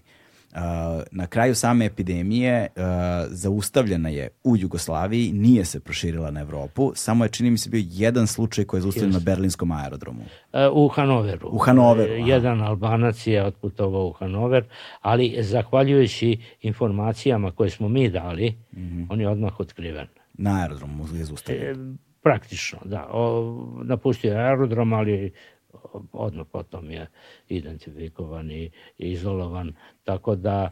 A, Nije nikome dalje preneo. Ne, vrlo su važne te informacije. Ne. Znači, a, ne bi ni Ibrahim Hoti oboleo da su Iračani prijavili variolu. A... Oni nisu javili Svetskoj zdravstvenoj organizaciji, jer da jesu, mi bismo onda i autobus sačekali. Da, da, Bilo da, bi drugčije. Da, da. A možda ne bi ni a možda bi pijaca bila zatvorena ili ne bi se a, Pa verovatno bi tamo bile mere, to sad zavisi od njihovih a, njihove epidemiološke službe, ali bilo bi drugčije. E, ali oni su prećutali upravo zato što e, je u pitanju i turizam i trgovina. Hmm. Znači, Račani su prećutali informaciju i onda ni mi nismo znali. Oni su prijavili tek posle nas.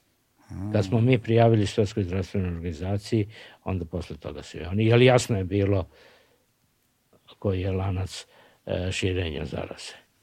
Da, da, da. E sada, zanima me koliko u slučaju covid um, ovo brzo razvijanje vakcine um, koje se desilo na više različitih frontova. Sad, koliko sam nešto čitao i slušao o tome, nisam nešto, nisam nešto preterano pažljivo, Ovaj, ali znam da je prvi put u istoriji se zapravo desila ta neka vrsta takozvane decentralizacije razvoja vakcine, da nije bila ono nacionalna stvar na jednom nivou, nego da se na više frontova razvili različiti aspekti uh, različiti aspekti medicine, što je omogućilo sa paralelnim razvojem različitih, step, različitih koraka u razvoju vakcine, gde su se raspodelile te faze, mogli dođe do bržeg uh, uh, dolaska do same vakcine, što se negde i desilo, čini mi se, ali um, koliko je naše znanje o gripu i naša iskustva sa prethodnim uh, SARS, odnosno sa prethodnim, ba, sa, sa prethodnim uh, virusima tog tipa imalo utice na razvoj vakcine za COVID?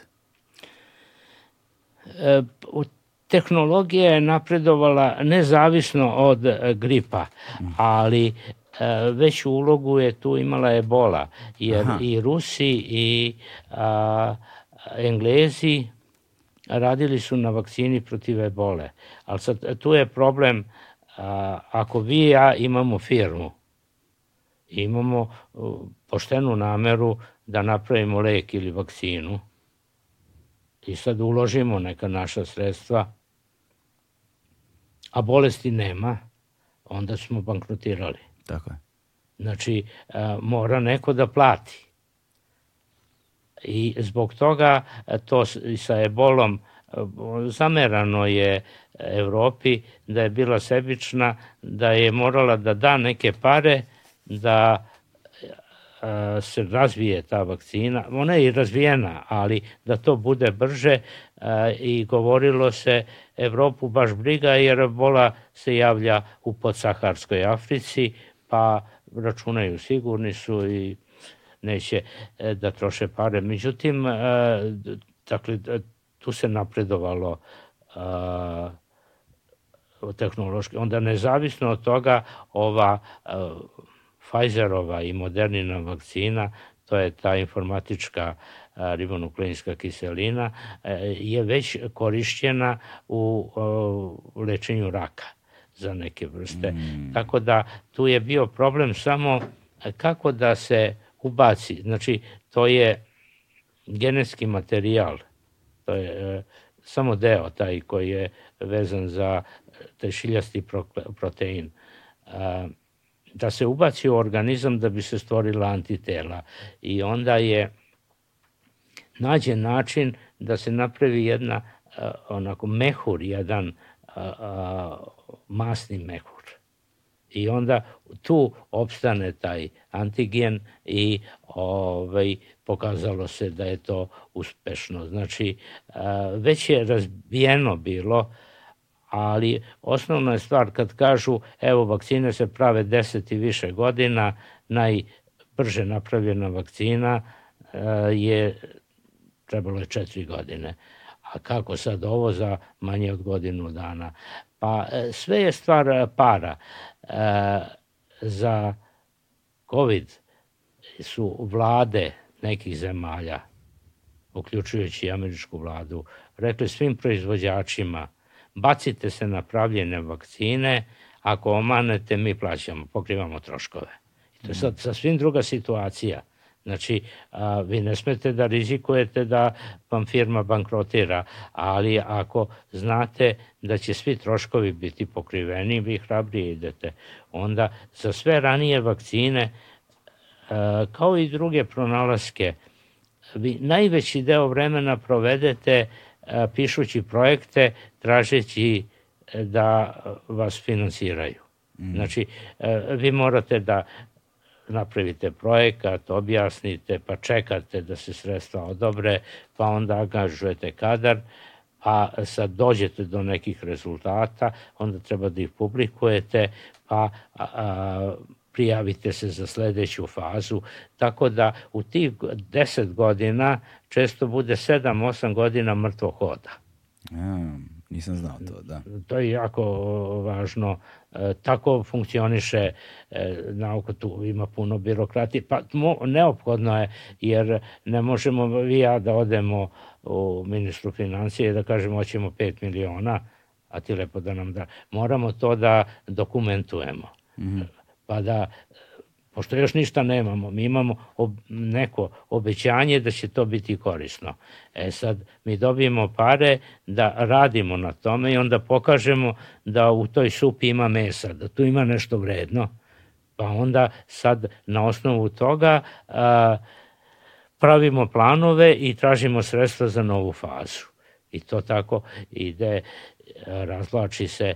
A u ovom slučaju, znači, pare su bit, bile date, a, uslovi optimalni, ako treba još kadra da se angažuje, da. evo tu je, a, svako razvijao svoju, ali kažem nekoliko tih, recimo to sa adenovirusom, virusom što su radili i Rusi i Britanci, AstraZeneca, AstraZeneca, to je britansko-švedska firma, ovaj, i pogotovo Amerikanci, to je bilo do pola razvijeno već.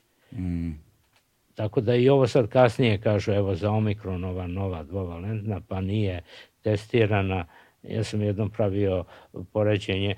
To vam je kao kad imate, svakog dana pravite čorbu i imate iste sastojke, i sad evo pojavio se omikron. To je kao da sad umesto mirođije vi stavite Lorberov list. Da. Sve ostalo je tu poznato i onda malo samo nema tu mnogo da se proverava, ali ono da je nedovoljno ispitana vakcina, to je besmislica.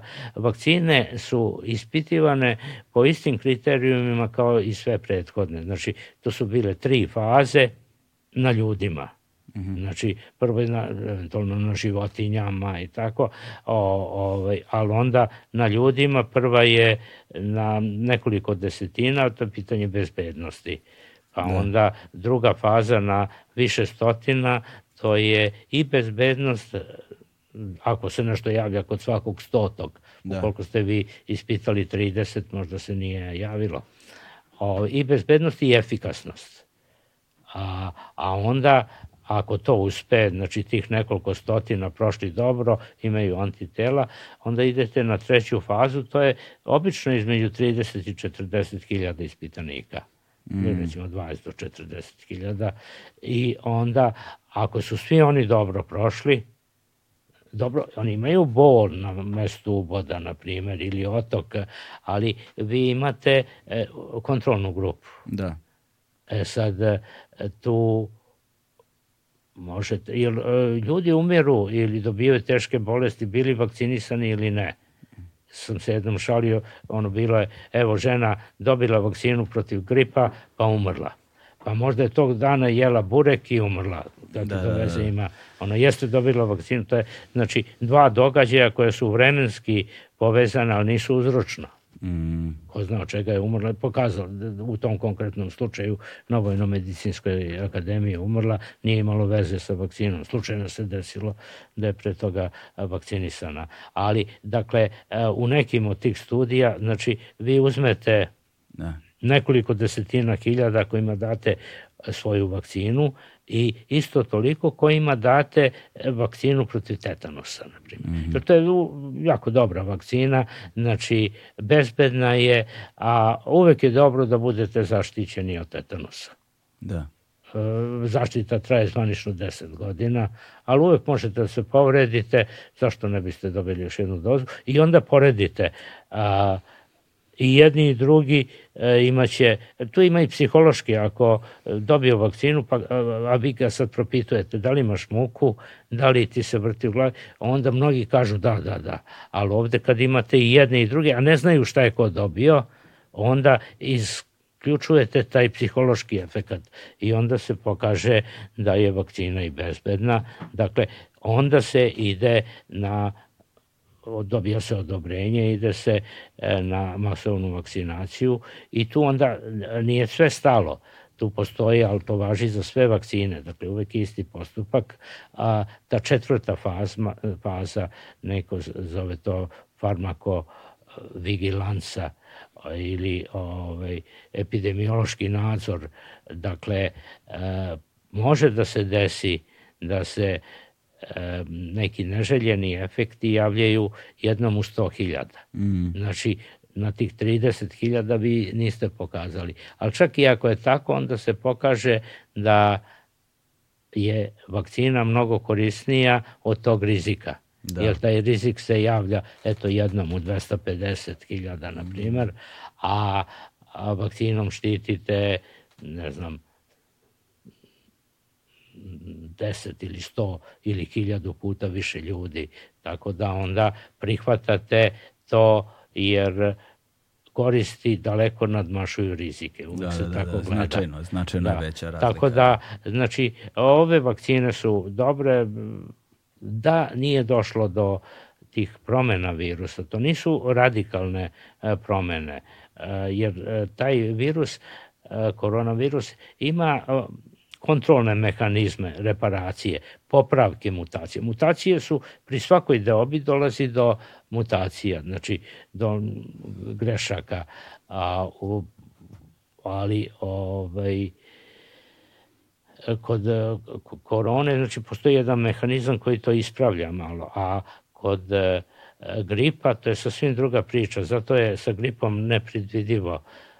javljaju se, znači ti uh, drift, to je ovaj, uh, get, uh, genetsko pomeranje, izmeni se struktura, ali javi se i takozvani shift, to je skok, genetski skok, znači od jednog postaje drugo. Mm. A, do toga dođe kad se a, spajaju dva a, virusa gripa. E, tu postoji tu, na tom principu se razvila takozvana molekulska epidemiologija. Zbog toga skoro sve epidemije gripa kreću iz e, da, sa dalekog istoka, uglavnom iz južne Kine. Jer tamo na malom prostoru to ima onako avlija, sve je gusto, minijaturno, ali tu žive ljudi uh, perad, obično pilići i svinje. Mm. I postoji ptiči grip, postoji humani ljudski grip. E sad, čovek ne može ili jako tečko ko se direktno zarazi ptičim gripom istovremeno e, isto važi za e, obrnuti smer. Se ptice zaraze ljudskim gripom. Jeste, ali a, svinja je univerzalni primalac. Aha. Znači svinja može da Dobije se zarazi oba. jednim drugim i onda u tim skučenim uslovima na, desi se da svinja istovremeno se zarazi od peradi ptičim, a od čoveka e, ljudskim, humanim tipom virusa gripa i onda tu dođe do pregrupisanja. Znači, Desi se na, taj drift. E, to je shift. Shift, da. Ovaj, znači, to je sad mali Frankenstein. Deo virusa ptičijeg i deo svinskog. Mm -hmm. A virus gripa ima osam segmenata, pa onda već sad u svim njim ima po nekoliko delova svinskog, po nekoliko ptičijeg i mi stalno očekujemo da će taj ptičiji grip, odnosno strahujemo, koji se jako teško ili nikako ne prenosi na ljude, steći sposobnost interhumanog prenosa. I onda bi nastala strašna pandemija, zato što neke od tih varijanti ptičije gripa, kad se jave među ljudima, imaju smrtnost od 30 i više posto. Kao variola. Da, da. Ali ima, ali ima i veći stepen zaraznosti. Da, e, e pa sad ovde je sreća što se jako teško prenosi takav virus, ali šta ako nastane mutanta koja ima sposobnost interhumanog prenosa. Zbog toga kada se javi takva situacija, onda se pokolje sva živina. Mm. I mhm. to dešavalo se da to budu milioni uh, peradi. To je, na primer, uh, jednom bi bilo negde stotinak miliona. To je, kad biste naslagali, bilo veće brdo nego aval, odnosno planina. Jasno. I da. to su ogromni ekonomski gubici, ali to je jedini način da ne dođe do uh, eventualnog... Jer ako bi nastavila se transmisija, prenos, onda bi se javila takva varijanta. Da. O teoriji verovatnoće. Tako da treba u korenu to zatrti. Uf. I to se radi. Da. Ali to postoji, znači to je jedna od e, opasnosti, jedna od e, pretpostavljenih mogućih narednih pandemija. Da, i opasnost koja uvek vreba. Um, za kraj sam, volao bih samo da adresiramo još jednu stvar, pošto ovo je bes, beskreno velika tema. Ovaj, ali bih volao da adresiramo, pošto ste pominjali rak uh, i efekte vakcine na, na, na određene segmente raka uh, iz kojih se razvila ova.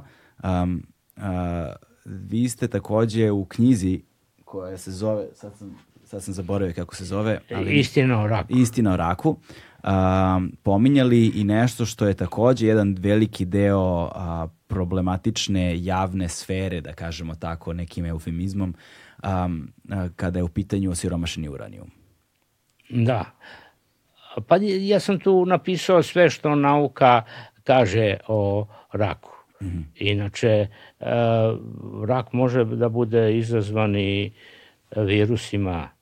Mi imamo sad i vakcine, recimo imamo vakcinu protiv HPV virusa, to je virus koji dovodi do raka grlića materice, računa se u 99%, ali i do raka anusa, penisa i sad zbog e, sve rasprostranjenih e, seksualnih navika do raka korena jezika, usnog dela ždrela, mm -hmm. ove, tako da je taj rak dosta prisutan i može praktično da nestane ako bar može vakcinom 85% raka grlića materice da se eliminiše, znači jednostavnom vakcinacijom devojčica i sad poručuje se oba pola, zato što, znate, ima tu uh, predrasuda, pa naši ljudi kažu, a moja čerka je čestita, ona neće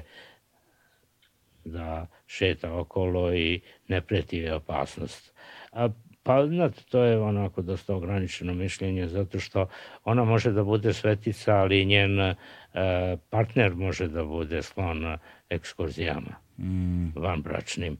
To je jedno, a drugo može da bude i silovana, postoji nedobrovoljni seks Tako da je uvek bolje biti vakcin. Znači, mnoge žene koje su imali samo jednog partnera su oboleli za, upravo zato što je taj partner bračni ili vanbračni šetkao. Mm. Menjao je partnerke. Tako da, znači, mi možemo da utičemo, ali a, ja sam u toj knjizi prikazao ono što je činjenica, što je naučno potvrđeno, da a, ukupno od svih oblika raka 5 do 10 je genetski uslovljeno. Mm -hmm. Znači, to je vaša sudbina.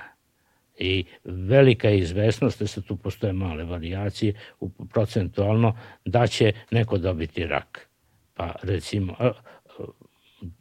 poznat je primjer Angelina Jolie, 80-85% verovatnoća da će dobiti rak dojke. Da. Onda je ona rešila da ukloni dojke. I to mnogi žene onda urade kada imaju te e, znači, genetske markere, te brca 1, brca 2, to, brca, to je breast kancer. Mm -hmm, breast CA kancer. Ovaj, znači, to je 5 do 10% ukupnog obolevanja od raka onda postoji negde oko 65 verovatno posto, to nije baš sasvim siguran procenat, a razlikuje se i od populacije do populacije kada smo krivi mi sami. Mm -hmm. To je na prvo mesto pušenje, znači u ukupnoj masi od tih 65%, 30%, ako 65 uzmemo kao 100%, je posljedica pušenja. Pa onda... Znači, prestanite da pušite ljudi. to je najvažniji znači, faktor. Pa onda 20% navike u ishrani pa onda infekcije. To su velike razlike u razvijenim zemljama, to je negde 7% u ne, zemljama u razvoju ide na preko 20%. Tu su, eto, rak grlića materice, tu je rak želuca, to je sad bakterija jedna važna. Tu je ovaj, u trovskim krajevima ovaj, i jedna glista. Jasno. Da. Šistozoma.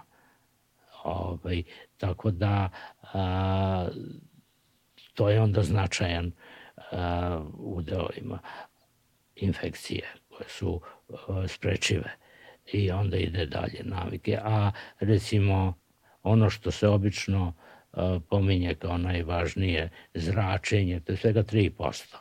I od ta 3% a, dva su vezana za ultraljubišasto zračenje, za izra, izlaganje suncu Jasne. ili kvarc lampama, sad se predlaže da se e, zabrane.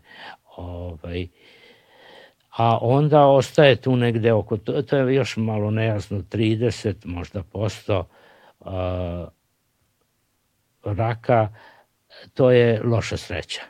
Mm. Ono što su bad luck došlo je jednostavno do mutacije. Vi živite kao svetac, ne pijete, ne pušite, hranite se. Kako treba. Sve kako piše i dobijete rak i onda nepravda. Pa jeste, može da se desi, to je usled mutacije. Mm. Znači ima toga, ali u velikom broju slučajeva, u dve trećine, pojava raka zavisi od vašeg ponašanja. Jasno. I to je pokazano još ovi epidemiolozi britanski prvo su pokazali, uzeli su nad pa uh, poredili ako je rat, rak izazvan nekim genetskim faktorima, onda će svuda biti isti. Međutim, onda pokazalo se, na primjer, rak penisa u uh, Izraelu je 300 puta ređi nego u nekim drugim zemljama. I onda se pokazalo da to ima veze sa cirkumcizijom, sa obrezivanjem. Mm, A naravno, e, e, u savremenom svetu zavisi i od seksualne higijene. Ako se održava higijena, Jasno. onda je to sasvim drugčije. Ali, znači to ranije, baš e, kupanje, o, smegma, mm, koja se nakupi ovaj, oko glavića, vrha penisa iz, ispod kožice. Ovaj, to, kad se raspada, to su kancerogene materije. Dakle, kod Izraelaca oni rade cirkumciziju ubrzo po rođenju. Mm -hmm. I a, skoro da nemaju ovi, znači pravoverni, da nemaju rak penisa. A kod muslimana se radi na što kasnije pred polazak u školu otprilike. Tu ima razlika, jer veliki je muslimanski svet. Jasno. Ovaj, I onda je tu učestalost e, veća, ali je niža nego kod e, crnaca u tropskoj Africi koji ako rade e, cirkumciziju, to je e, kada ratnik postaje odnosno dečak postaje ratnik, a to u vreme pu puberteta. U, u ritualima prelaska. Jeste, ali to je znači, prelaska, da. već pubertet i tada uvek ostane patrljak te a, tog prepucijuma, da, da, da, te da. kožice, tako da znači najmanje radikalna intervencija, pa onda ostaje i e, to što se nakupi ispod kožice, što dovodi do raka. Ali e, tako je bilo puno primjera rak jednjaka mm -hmm. i o, objašnjenja. Rak a, a, jetre, na primjer, primarni je 60 puta ređi u Engleskoj nego u ovaj, Somaliji ili Etiopiji, sad mm. ne sećam se koje od te dve zemlje, ali a, zašto a, rak jetre e, u ostatku sveta zavisi od hepatitisa B i C. Jasno. A ovamo u, u rogu Afrike, u tom delu, od kikirikija jer uh, kikiriki je zdrav naravno, međutim uh, ako ga držite E, to je ground nut, e, to je u zemlji. Ako je vlažno, razvijaju se gljivice. Mm. aspergillus i o, ovaj, e, razne vrste gljivica i onda one imaju kancerogeno dejstvo. Dakle, pokaže se ogromne razlike vezane za činioce koji evo su jasno pokazani. Ali onda evo došlo se, znači kad se sve to sabere, e, najznačajniji sprečivi, predupredivi e, faktor rizika za rak je pušenje. Da, da ne govorimo onda o zagađenom vazduhu. A, i, ima značaj, ali e, zagađeni fak, vazduh to je pre 30 i koliko godina o, pokazao moj kolega s Harvarda, da, Docker i posle smo nešto radili zajedno. On je radio studiju šest američkih gradova, a, pokazao da umiranje od infarkta zavisi od aerozagađenja.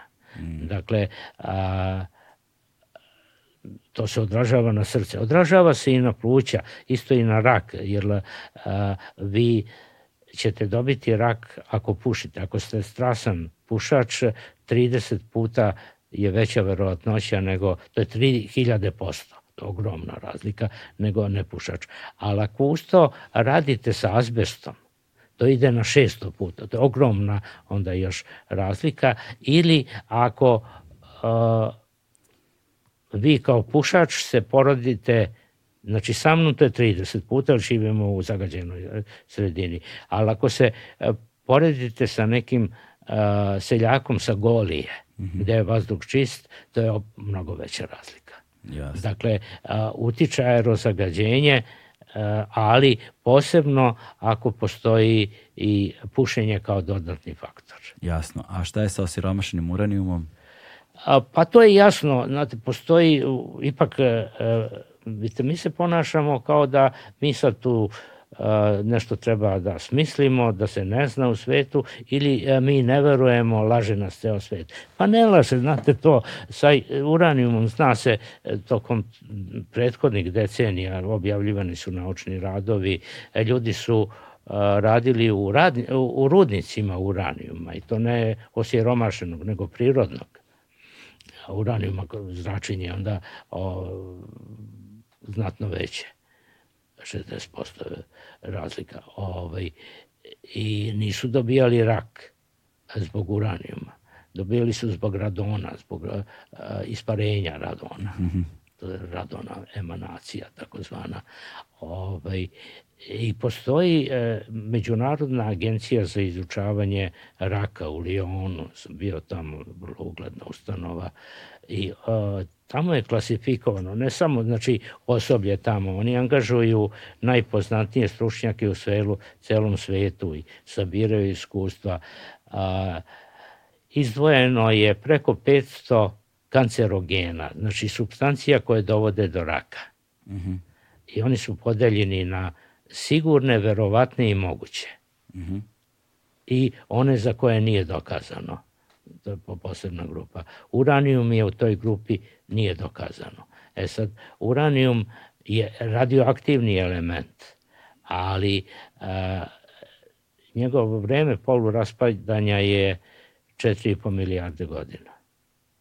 Tako da, znate, to, a, i to je alfa zraci su u pitanju. Oni e, ne mogu da probiju list papira, ali to je onako jedna, jedan razbijen atom, pa sad da probam slikovito, pa prođe nešto vreme, pa sledeći, to je jako mala radioaktivnost.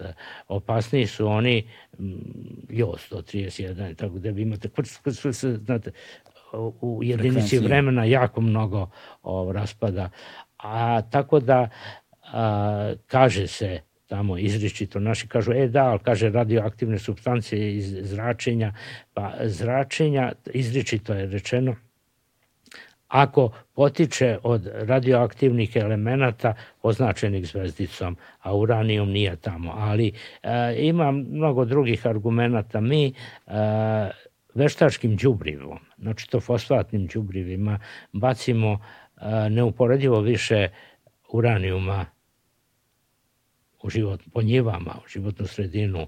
A onda uranijum je jedan od 20 najčešćih elemenata u zemljinoj kori. Mi ga imamo svuda, mi smo u kontaktu s njim. Na kraju, radioaktivnost ovaka kakva je, je i omogućila stvaranje života. E, tako da se s tim preteruje. Jedino ono psihološki, e, kada vam kažem, evo, neko će vas ubosti nožem, vi vidite taj nož, vidite opasnost, vidite nečiji iskolačene oci, oči, a ako vam neko kaže zračenje je svuda, dobit ćete rak, znači to je nešto što ne vidite, ne osjećate i onda normalno stvar se a, neki osjećaj straha. A međutim, ovo što je bačeno na centralnu Srbiju, tačno znamo koliko je uranijuma bačeno, to su toliko minimalne količine da a, nemaju efekta ni toksičnog, jer uranijum je toksičan, a nije kancerogen. Čak a, Amerikanci imaju tenkove od, od siromašenog uranijuma zato što je to iz bezbednotnih razloga ovaj, izdržaće e, eksploziju. Mm.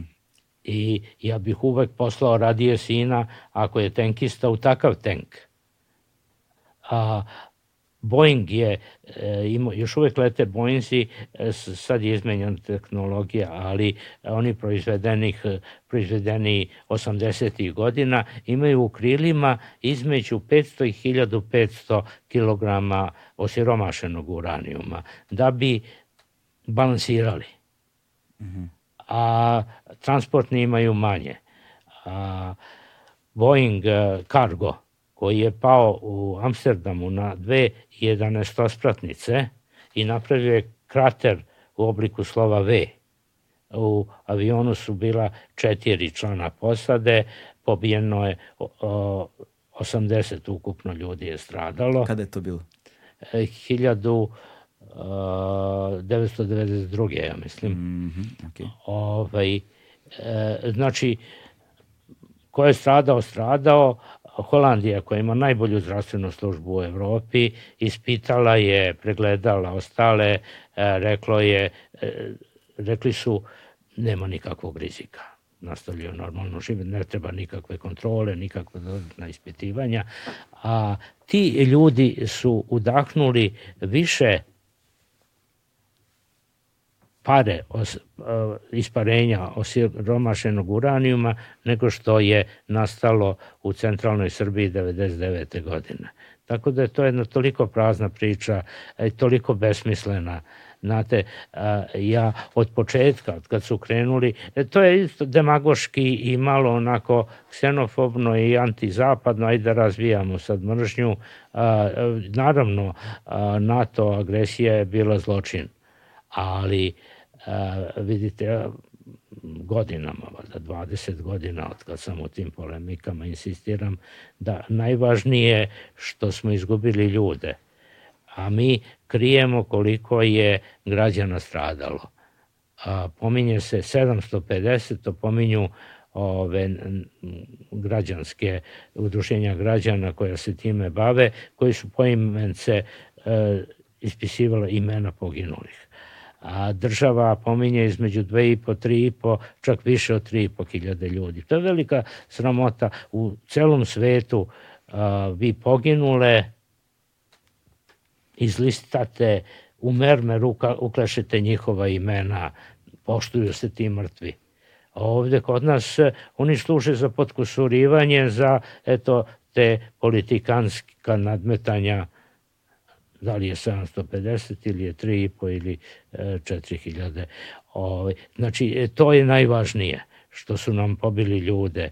Drugo je što su nam uništili infrastrukturu. To su ogromne milijarde, stotine milijardi. Ovaj, e, treće, što je došlo do hemijskog zagađenja. To je mnogo kancerogena otišlo u spodnu sredinu. Oni su a, bombardovali e, naftna postrojenja, fabrike azotnih đubriva, e, sve ono što je opasno po e, životnu sredinu.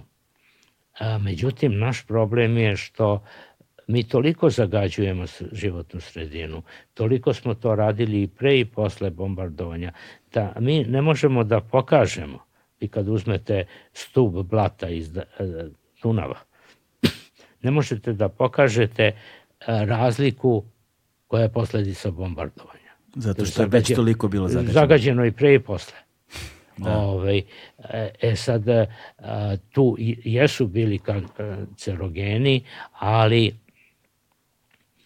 a, naš problem je što mi ništa ne radimo Znate, nije to sad samo evo, za tih 70 i nekoliko dana što je, e, nego što decenijama se surovo maćehinski odnosimo prema ekološkim problemima. A, dakle, e, u tome je suština. A ovo sa uranijom, to je zaista, e, niko od naših ne sme da izađe na neki naučni skup u inostranstvu, bi bio smešan. Znate, postoji, znači, e, ja sam gledao i u Americi podatke, e, njihova vojna bolnica Walter Reed e, vodi o tome računa. Postoje Amerikanci koji su žrtve prijateljske vatre. Mm -hmm. Amerikanci su i ovim ratovima u Iraku surovo ubijali ove nesresnike Arape. Da. Oni su čak e, ono u, u Kuvajtu, kad su ga oslobađali, a i to je imalo ogromnu cenu. Prvog su ih zavadili, pa onda došli da ih oslobađaju. Oni su uh, ih zatrpavali artiljerijskom vatrom, tako da su se ovi mučenici skrivali u rovovima. A onda su išli a, rovokopači i ovi e, buldožeri ovako bočno, pa ih zatrpavali. Tako da to, to su bile akcije ono kad Amerikanci na, kopnu jave svojima da bombarduju Iračane, a onda desi se greška pa bombarduju neku svoju istorenu, istorenu jedinicu. Tako da bilo je 30 i nešto ono što sam ja video američkih vojnika, veterana, koji su imali šrapnel. Znači, ako vi imate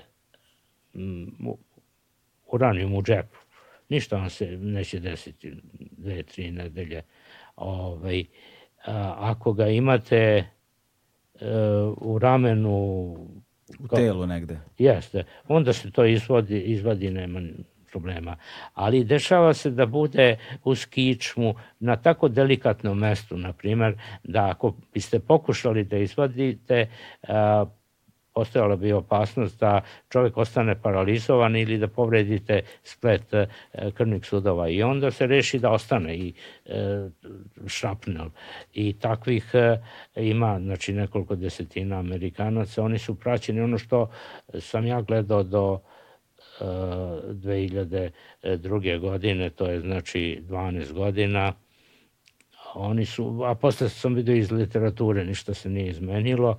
Jedino a, u Mokraći a, imali su indikacije da je a, radioaktivni element prisutan, nikakvih drugih promena, jer a, i naši kažu pa nije važan sam uranijum, on je toksičan element, važna su isparenja.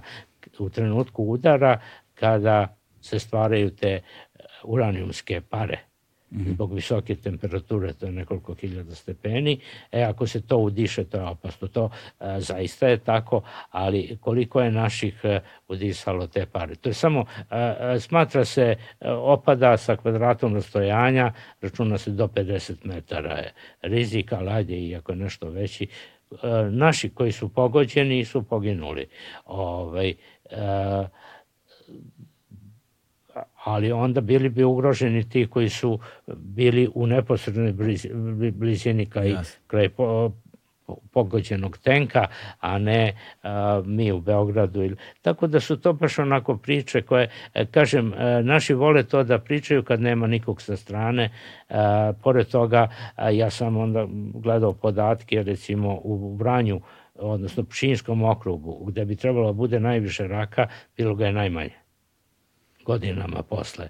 O, ti zagovornici, ja ih zovem uranijumski svedoci koji smišljaju to, ovaj, falsifikovali su podatke o umiranju, da je e, naglo porastao, e, čak i ova ministarska sadašnja ova, zdravlja, da su to enormne cifre, što su izmislili, nije tačno, zato što postoje zvanične institucije, podaci Batuta, Znate, vi morate da imate neka znanja da interpretirate te podatke, koliko su pouzdani, kako je, mm -hmm. ali e, i ovo osnovno kad pogledate nije tačno da je došlo do takvog enormnog uspoda, uspona, da posebno nije u vezi, jer e, oni su tvrdili, evo, tačno 5 do 7 godina pozivajući se na Hirošimu, evo nagli skok. Uopšte nema naglog skoka, čak u šestoj godini bio mali pad, a ne skok. Pa su onda tvrdili bit će 70.000 umrlih 2018. 19. pravili neke projekcije. Nije, 20.000. Ovaj, e, tako da su to izmišljeni brojevi, samo tako da bi se e, neka politička agenda tu gurala. Dakle, e, da zaključimo, bombardovanje bilo zločinački akt, o, stradali smo a, eto i od kasetnih bombi i od tih e, svega što nam je padalo na glavu, ali e, nismo od osiromašenog uranijuma. To je dobro kao priča. Znači, to je ono što smo počeli razgovor e, kako to da ljudi ne veruju. Vi ste bili malo strogi pa ste rekli da evo nisu dovoljno prosvećeni. Tako ne radi se o tome, to je mnogo komplikovanije. Znači, postoji ta medicina zasnovana na dokazima, koje su lansirali ti kanadski klinički epidemiolozi 81. Ali a, mi živemo u vremenu tog postmodernizma gde kažu ne postoji jedna istina, evo postoje različite istine. U mnogo slučajeva istina je jedna. Mi sad pričamo, a sad ja mogu posle da pričam, bio je vaš blizanac ili da izmišljam, e, jedna je istina najčešće, a i onda trudimo se da bude naučno zasnovana, ali u vreme kada se krenulo sa tim konceptom medicine zasnovane na dokazima, istovremeno uh, jedan Amerikanac, Fisher, napisao je knjigu koja vremenom dobija sve više u težini da nije važno to u šta mi verujemo, što još od e, antičkih filozofa a, važi kao neko pravilo da je čovek razumno biće i da prihvata argumente. Mm -hmm. I onda će da prihvata i naučne argumente. Vi samo treba da mu objasnite šta je istina. Evo, zemlja je okrugla i on to prihvati. A međutim, evo ima ih sve više čak koji veruju da je zemlja ravno ploča. Da. Ovaj, zato što o, poenta ovoga Fišera je da a, sad ću ovo sve da raspucam ovaj, a, on to naziva narativnom paradigmom znači da su ljudi pričajuća bića i da je važno šta vam neko ispriča i kako ispriča i pogotovo ako je priča dobro složena. Mm -hmm i ako se uklapa u vaše neke predrasude i vaše očekivanja, vi to prihvatate kao istinu, a onda ovo što ću ja da vam dokazujem, da donesem me pruvete, da vi vidite promene boje i tako, ništa to ne vredi, vi imate svoje sad fiksirano e, mišljenje. I e, to jeste tako, znači a, tu je sad važno da ja kao zdravstveni prosvetitelj pristupim sa dobrom pričom. Mm -hmm. Onda ću biti prihvaćen. A ti argumenti, to, jer, znači, a, on i na mnogo primjera pokazuje da ta verbalna, ta ubedljivost i uklapanje u već postojeće predrasude je važno. Tako da zbog toga sve te sumnje, na primer, i, i te priče o ravnoj zemlji i o chemtrailsima, navodno, to je toliko jasno. Na, na, na kraju to pričaju i ljudi koji su o, oštro za ovu vlast da postoje avioni koji nas struju, iz kojih izlazi. Pa to znači ne bi moglo da prođe bez Vučića Da. znači, to postoje naš generalštab koji onda to toleriše.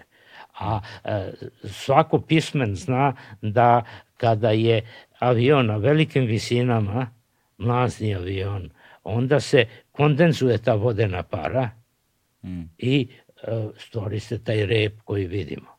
Znači, odnosno su dva ono svakog a, mlasnog motora i to je toliko jasno, ali a, evo odvojeno, znači mi verujemo u ovaj režim, a, verujemo u naprednjake, s druge strane na struju, pa ko nas struje, pa znači vlast nas struje. Toliko nelogično, ali to su znači dve istine koje paralelno postoje i nekako ne dodiruju se.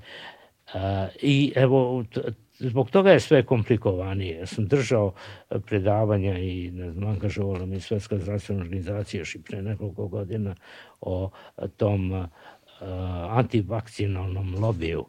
Uh, I onda poenta je bila tad da one koji su toliko uvereni u to ne vredi razuveravati Mm. nego treba a, prosvećivati, a, govoriti istinu onima koji su u nedoumici, jer a, tih nekoliko procenata tvrdokornih a, antivakcinaša a, pridobijaju ostale. Znači, to ako im prepustite a, tu priču Dakle, mora čovjek nešto da radi, da prosvećuje, ali... Ukoliko im da prepustite da... javni prostor.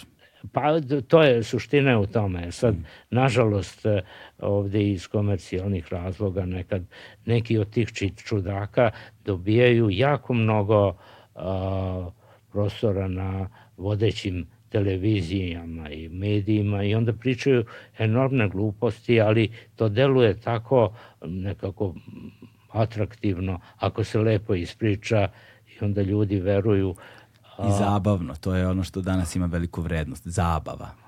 Pa, Zato što javni prostor da. sav postao na prodaju. Pa, nažalost, da, ali znači, utoliko je i komplikovanije boriti se eto u, u to vreme pre pola veka, na primjer, toliko je sve bilo jednostavno, a, vi kažete nešto i ljudi vam poveruju. A sada a, ako već postoji e, skepticizam, ako ljudi sumnjaju dobre namere vlasti, mm. onda mnogo lakše prođu te priče taj, što rekao... A vlast je, Boga mi, dala dovoljno razloga da se sumnja u njenu dobronamernost. A, pa, a, e, ali zbog toga, recimo, ovo... O, o vakcinama, da je to zavera svetska, e, sve ove ostale gluposti, e, teško prolaze u Skandinaviji gde ljudi imaju poverenja u vlast, u svoju vlast. Da, da. A to je paradigma koja je za nas toliko teška da razumemo. Da, pa ne, ne samo za nas, e, nego za svet. Svuda gde postoji a, formalno demokratija, ali nema pravednosti. Recimo u Americi to je demokratski, ali nepravedan sistem. Jeste. I e, ljudi ne veruju svojim političarima, a onda tu se lako onda lanciraju takve priče protiv vakcinacije. Mnoge od tih e, priča dolaze iz Amerike upravo. Jeste. Znači, e, toga nema eto, u Holandiji, nema u Švedskoj, a, nema u tim zemljama gde postoji poverenje, gde se veruje doktoru, a tamo gde, kao kod nas, e, svi misle, evo doktor će sad da mi da pogrešni lek zato što dobija od farmaceutske industrije pare da me truje praktično. Da kod nas je više pitanje korupcije, a u Americi je to, mislim, veće pitanje ne. da će se davati lekovi za koje su potplaćeni da ih daju. Pa i, ko, i kod nas I ima kod nas, sve a? više, čak evo i ta, znači i vakcine dajemo zbog toga što na njima zarađujemo, to su nesavesni lekari, a takvi su skoro svi. Da, e. Doktore, Hvala vam puno. Ovaj, hvala vam puno na vremenu, hvala vam puno na razgovoru, hvala vam puno na svemu učinjenom i da što duže uh, radite i stvarate, uh, redki su ljudi poput vas u našem prostoru. Hvala vam puno. Hvala vam. To je to, stigli smo do kraja. Ćao.